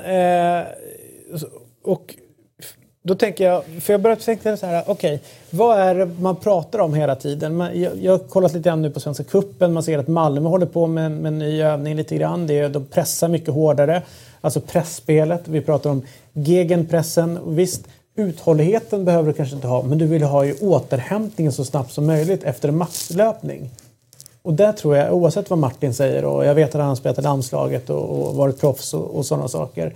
Men rent eh, återhämtningsmässigt så spelar det ingen roll om du gör en, en, en, löpning på max 50 meter. Du vill ju faktiskt kunna göra den tillbaka också i rätt position eller fortsätta göra det. Alltså behöver du ju liksom hela tiden återhämta och till slut så tar ju energin slut. Om du gör det för många gånger eh, under en 90 minuters period så orkar du inte på slutet. Så att det, spel, det ledarna vill, de vill att du ska orka så länge som möjligt under de här 90 minuterna för att upprätthålla det spel som de faktiskt egentligen vill spela. Men det svåra med det här är... Jag, vet och, och jag tror att det är jättesvårt att säga att det inte är det är väl klart att det, fotboll handlar om uthållighet också fast en annan typ av uthållighet än att, äh, än att vara ute och snora i spåret. Just återhämtning och skade, skadeförebyggande grejer, där, vet ju, där verkar det gå rätt snabbt framåt nu måste man ju säga i träningsmetoder. För det vet jag att Ja, men, eh, jag gjorde en lång intervju med Graham Potter och då var jag noga med att poängtera att ja, hur kan vi överhuvudtaget prata om otur med skador? Det, det finns inte. En korsbandsskada kan vara otur, liksom. men de flesta skador, muskelskador går att förebygga. Och han menade då att ja, men vi, och så tittar han på sitt eget spelarmaterial och han tittar på det här lag i Allsvenskan som har makalöst få skador jämfört med andra och, och pratar då om liksom hur man fysiskt periodiserar under säsong och fram och tillbaka och att det, där, det är en hel vetenskap för sig. Så att, den, och den biten vill ju klubbarna såklart behålla lite hemlig. Det är en konkurrensfördel att kunna mm. jobba på det sättet och inte ha spelare skadade hela tiden. Mm. Eh, samma sak med de, här, med de här preparaten. Plötsligt hittar du en dryck som gör att din ytterback springer två kilometer längre, eller vad det nu är för någonting. Liksom. Du kanske inte vill berätta för hela världen om den, mm. även om den inte är olaglig. Så det är ett svårt ämne att få insyn i också, tycker jag. Det känns som.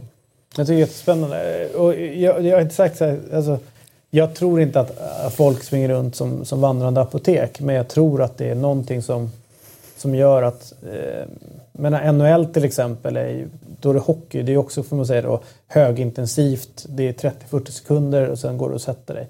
Där vet man ju att eh, de spelarna som inte är uppsatta när det är OS-år till exempel på att de är uttagna för att vara med i OS.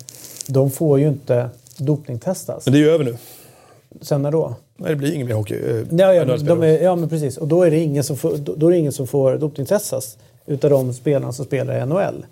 Och då är frågan så här, varför är de så rädda för, för att åka på sådana tester? Mm. Ja, det är ju inte så att de är helt eh, fria från, eh, från preparat. Eh, och, och, det är väl klart att, att dopingtesta alla ligor, alla spelare runt omkring, det är ju helt omöjligt att göra. Men frågan är liksom, hur ser de testerna ut? Alltså, det är någon som blir uttagen någon gång. Eh, och, så, och sett till hur många spelare som ändå spelar, hur många tester som ändå görs och att det är stackars Nasri här som är den som åker dit på det. Och Rio Ferdinand tror jag för att han missade, det var ju väldigt konstigt, men han missade ett, han råkade ett, missa. ett dopningstest. Glömde kissa en gång, ja. Och blev liksom straffad för det. Så mm. det jag tror, det finns, jag något, tror, det finns någonting i det här. Det finns mycket är... mer, det, det är mer utbrett än vad vi pratar om. Men som sagt, sporten avgörs i mindre, mindre utsträckning jämfört med andra idrotter av fysisk Ab uthållighet. Ja, absolut. Det du har ju boll, den är mer taktisk, den är mer teknisk. Det är bollen du ska hantera och det är uh, saker och så. Härligt! Eh, tack för idag. Fan vad kul eh, att, eh, var kul. Du, ja, men att du är tillbaka. Jag tycker det är skitroligt. Ja, och imorgon så är 352 tillbaka också. En, en, eh, en podd om den allsvenska fotbollen. Så vi snackar om guys. Yes, och på torsdag bland annat. Och på torsdag så är, ju, så är det ju Eurotalk Weekend och innan det så är det topptippare och det är fantasyprogram och det är quiz som snurrar på. Så att, det är det ena efter det andra. Och Christian ska vara med i alla program. hans moster. Ja, ja och eh, det finns att lyssna och titta på under hela eh, sportlovet. Som är det riktiga sportliga, sportlovet är ju vecka 9. Ja, ja, ja, det är vecka 9, det har alltid varit det. De andra är ju bara stö... Alltså, det är så här, vem fan har sportlov vecka 8 och vecka här, 10? Liksom, vi har pratat tidigare om, om, om, om att vara, stå för någon slags eurocentrism. Liksom. Vi bjöd vi in Sydamerika i det hela, eller jag valde att göra det. Och du, du med din 08-centrism här. Och till och med Afrika, väl, väl, till och med Afrika på den afrikanska, ja, afrikanska kontinenten så kör man lov vecka 9. Ja. Liftköer överallt. Ja, upp till sanddynerna där i Sahara. Ja, det finns ju berg som är höga om inte annat. Ja. Mount Kilimanjaro. Kilimanjaro. Det är ett väldigt coolt berg faktiskt. Ja, svinmäktigt. Min kompis var uppe och snurrade på det för mm. två år sedan. Eh, så att det var en, en... Bra namn, ser bra ut. Ja, visst ser det bra ut? Ja, det är snyggt. Alltså, berg måste vara snygga också, ja. eller topparna så att ja. säga. Det är alltid varit fascinerad av Kilimanjaro mm. sen jag var liten utan att lyckas ta mig dit. Jag har ju, hade ju när jag var liten... Oklar fascination. Är no, eh, hade, hade, kände jag så här, fan det vore rätt kul att liksom vara uppe och snurra lite grann på Mount Everest. Bara känna på det sådär. Eh, men sen har jag förstått att... Första basläget? Eller? Ja, åtminstone dit skulle det kunna ta sig. Men sen har jag fått för mig att eh, Kebnekaise skulle jag ändå vilja kliva upp på. Det kan man väl göra, även om man är en lekman när det gäller att ja. gå upp för berg. Men då ska jag berätta, jag var på väg upp på Kebnekaise. Men? Eh, det här är 1993 eller sånt där. Eller 95, runt där. Det var inte VM sommar 94, det var antingen före eller efter. Kom till Nikkaluhta, eh, som är typ någon by som är nära Kebnekaise. Och eh, det var fyra grader varmt. Det här är mitt på sommaren. Och så sitter jag så, så, så har jag någon så här radio, du vet så här, ja, så, eh, varmast i Sverige just nu är i Stockholm med 30 grader. Mm. Och jag bara, vad fan gör jag här? så du åkte hem? Så jag åkte hem.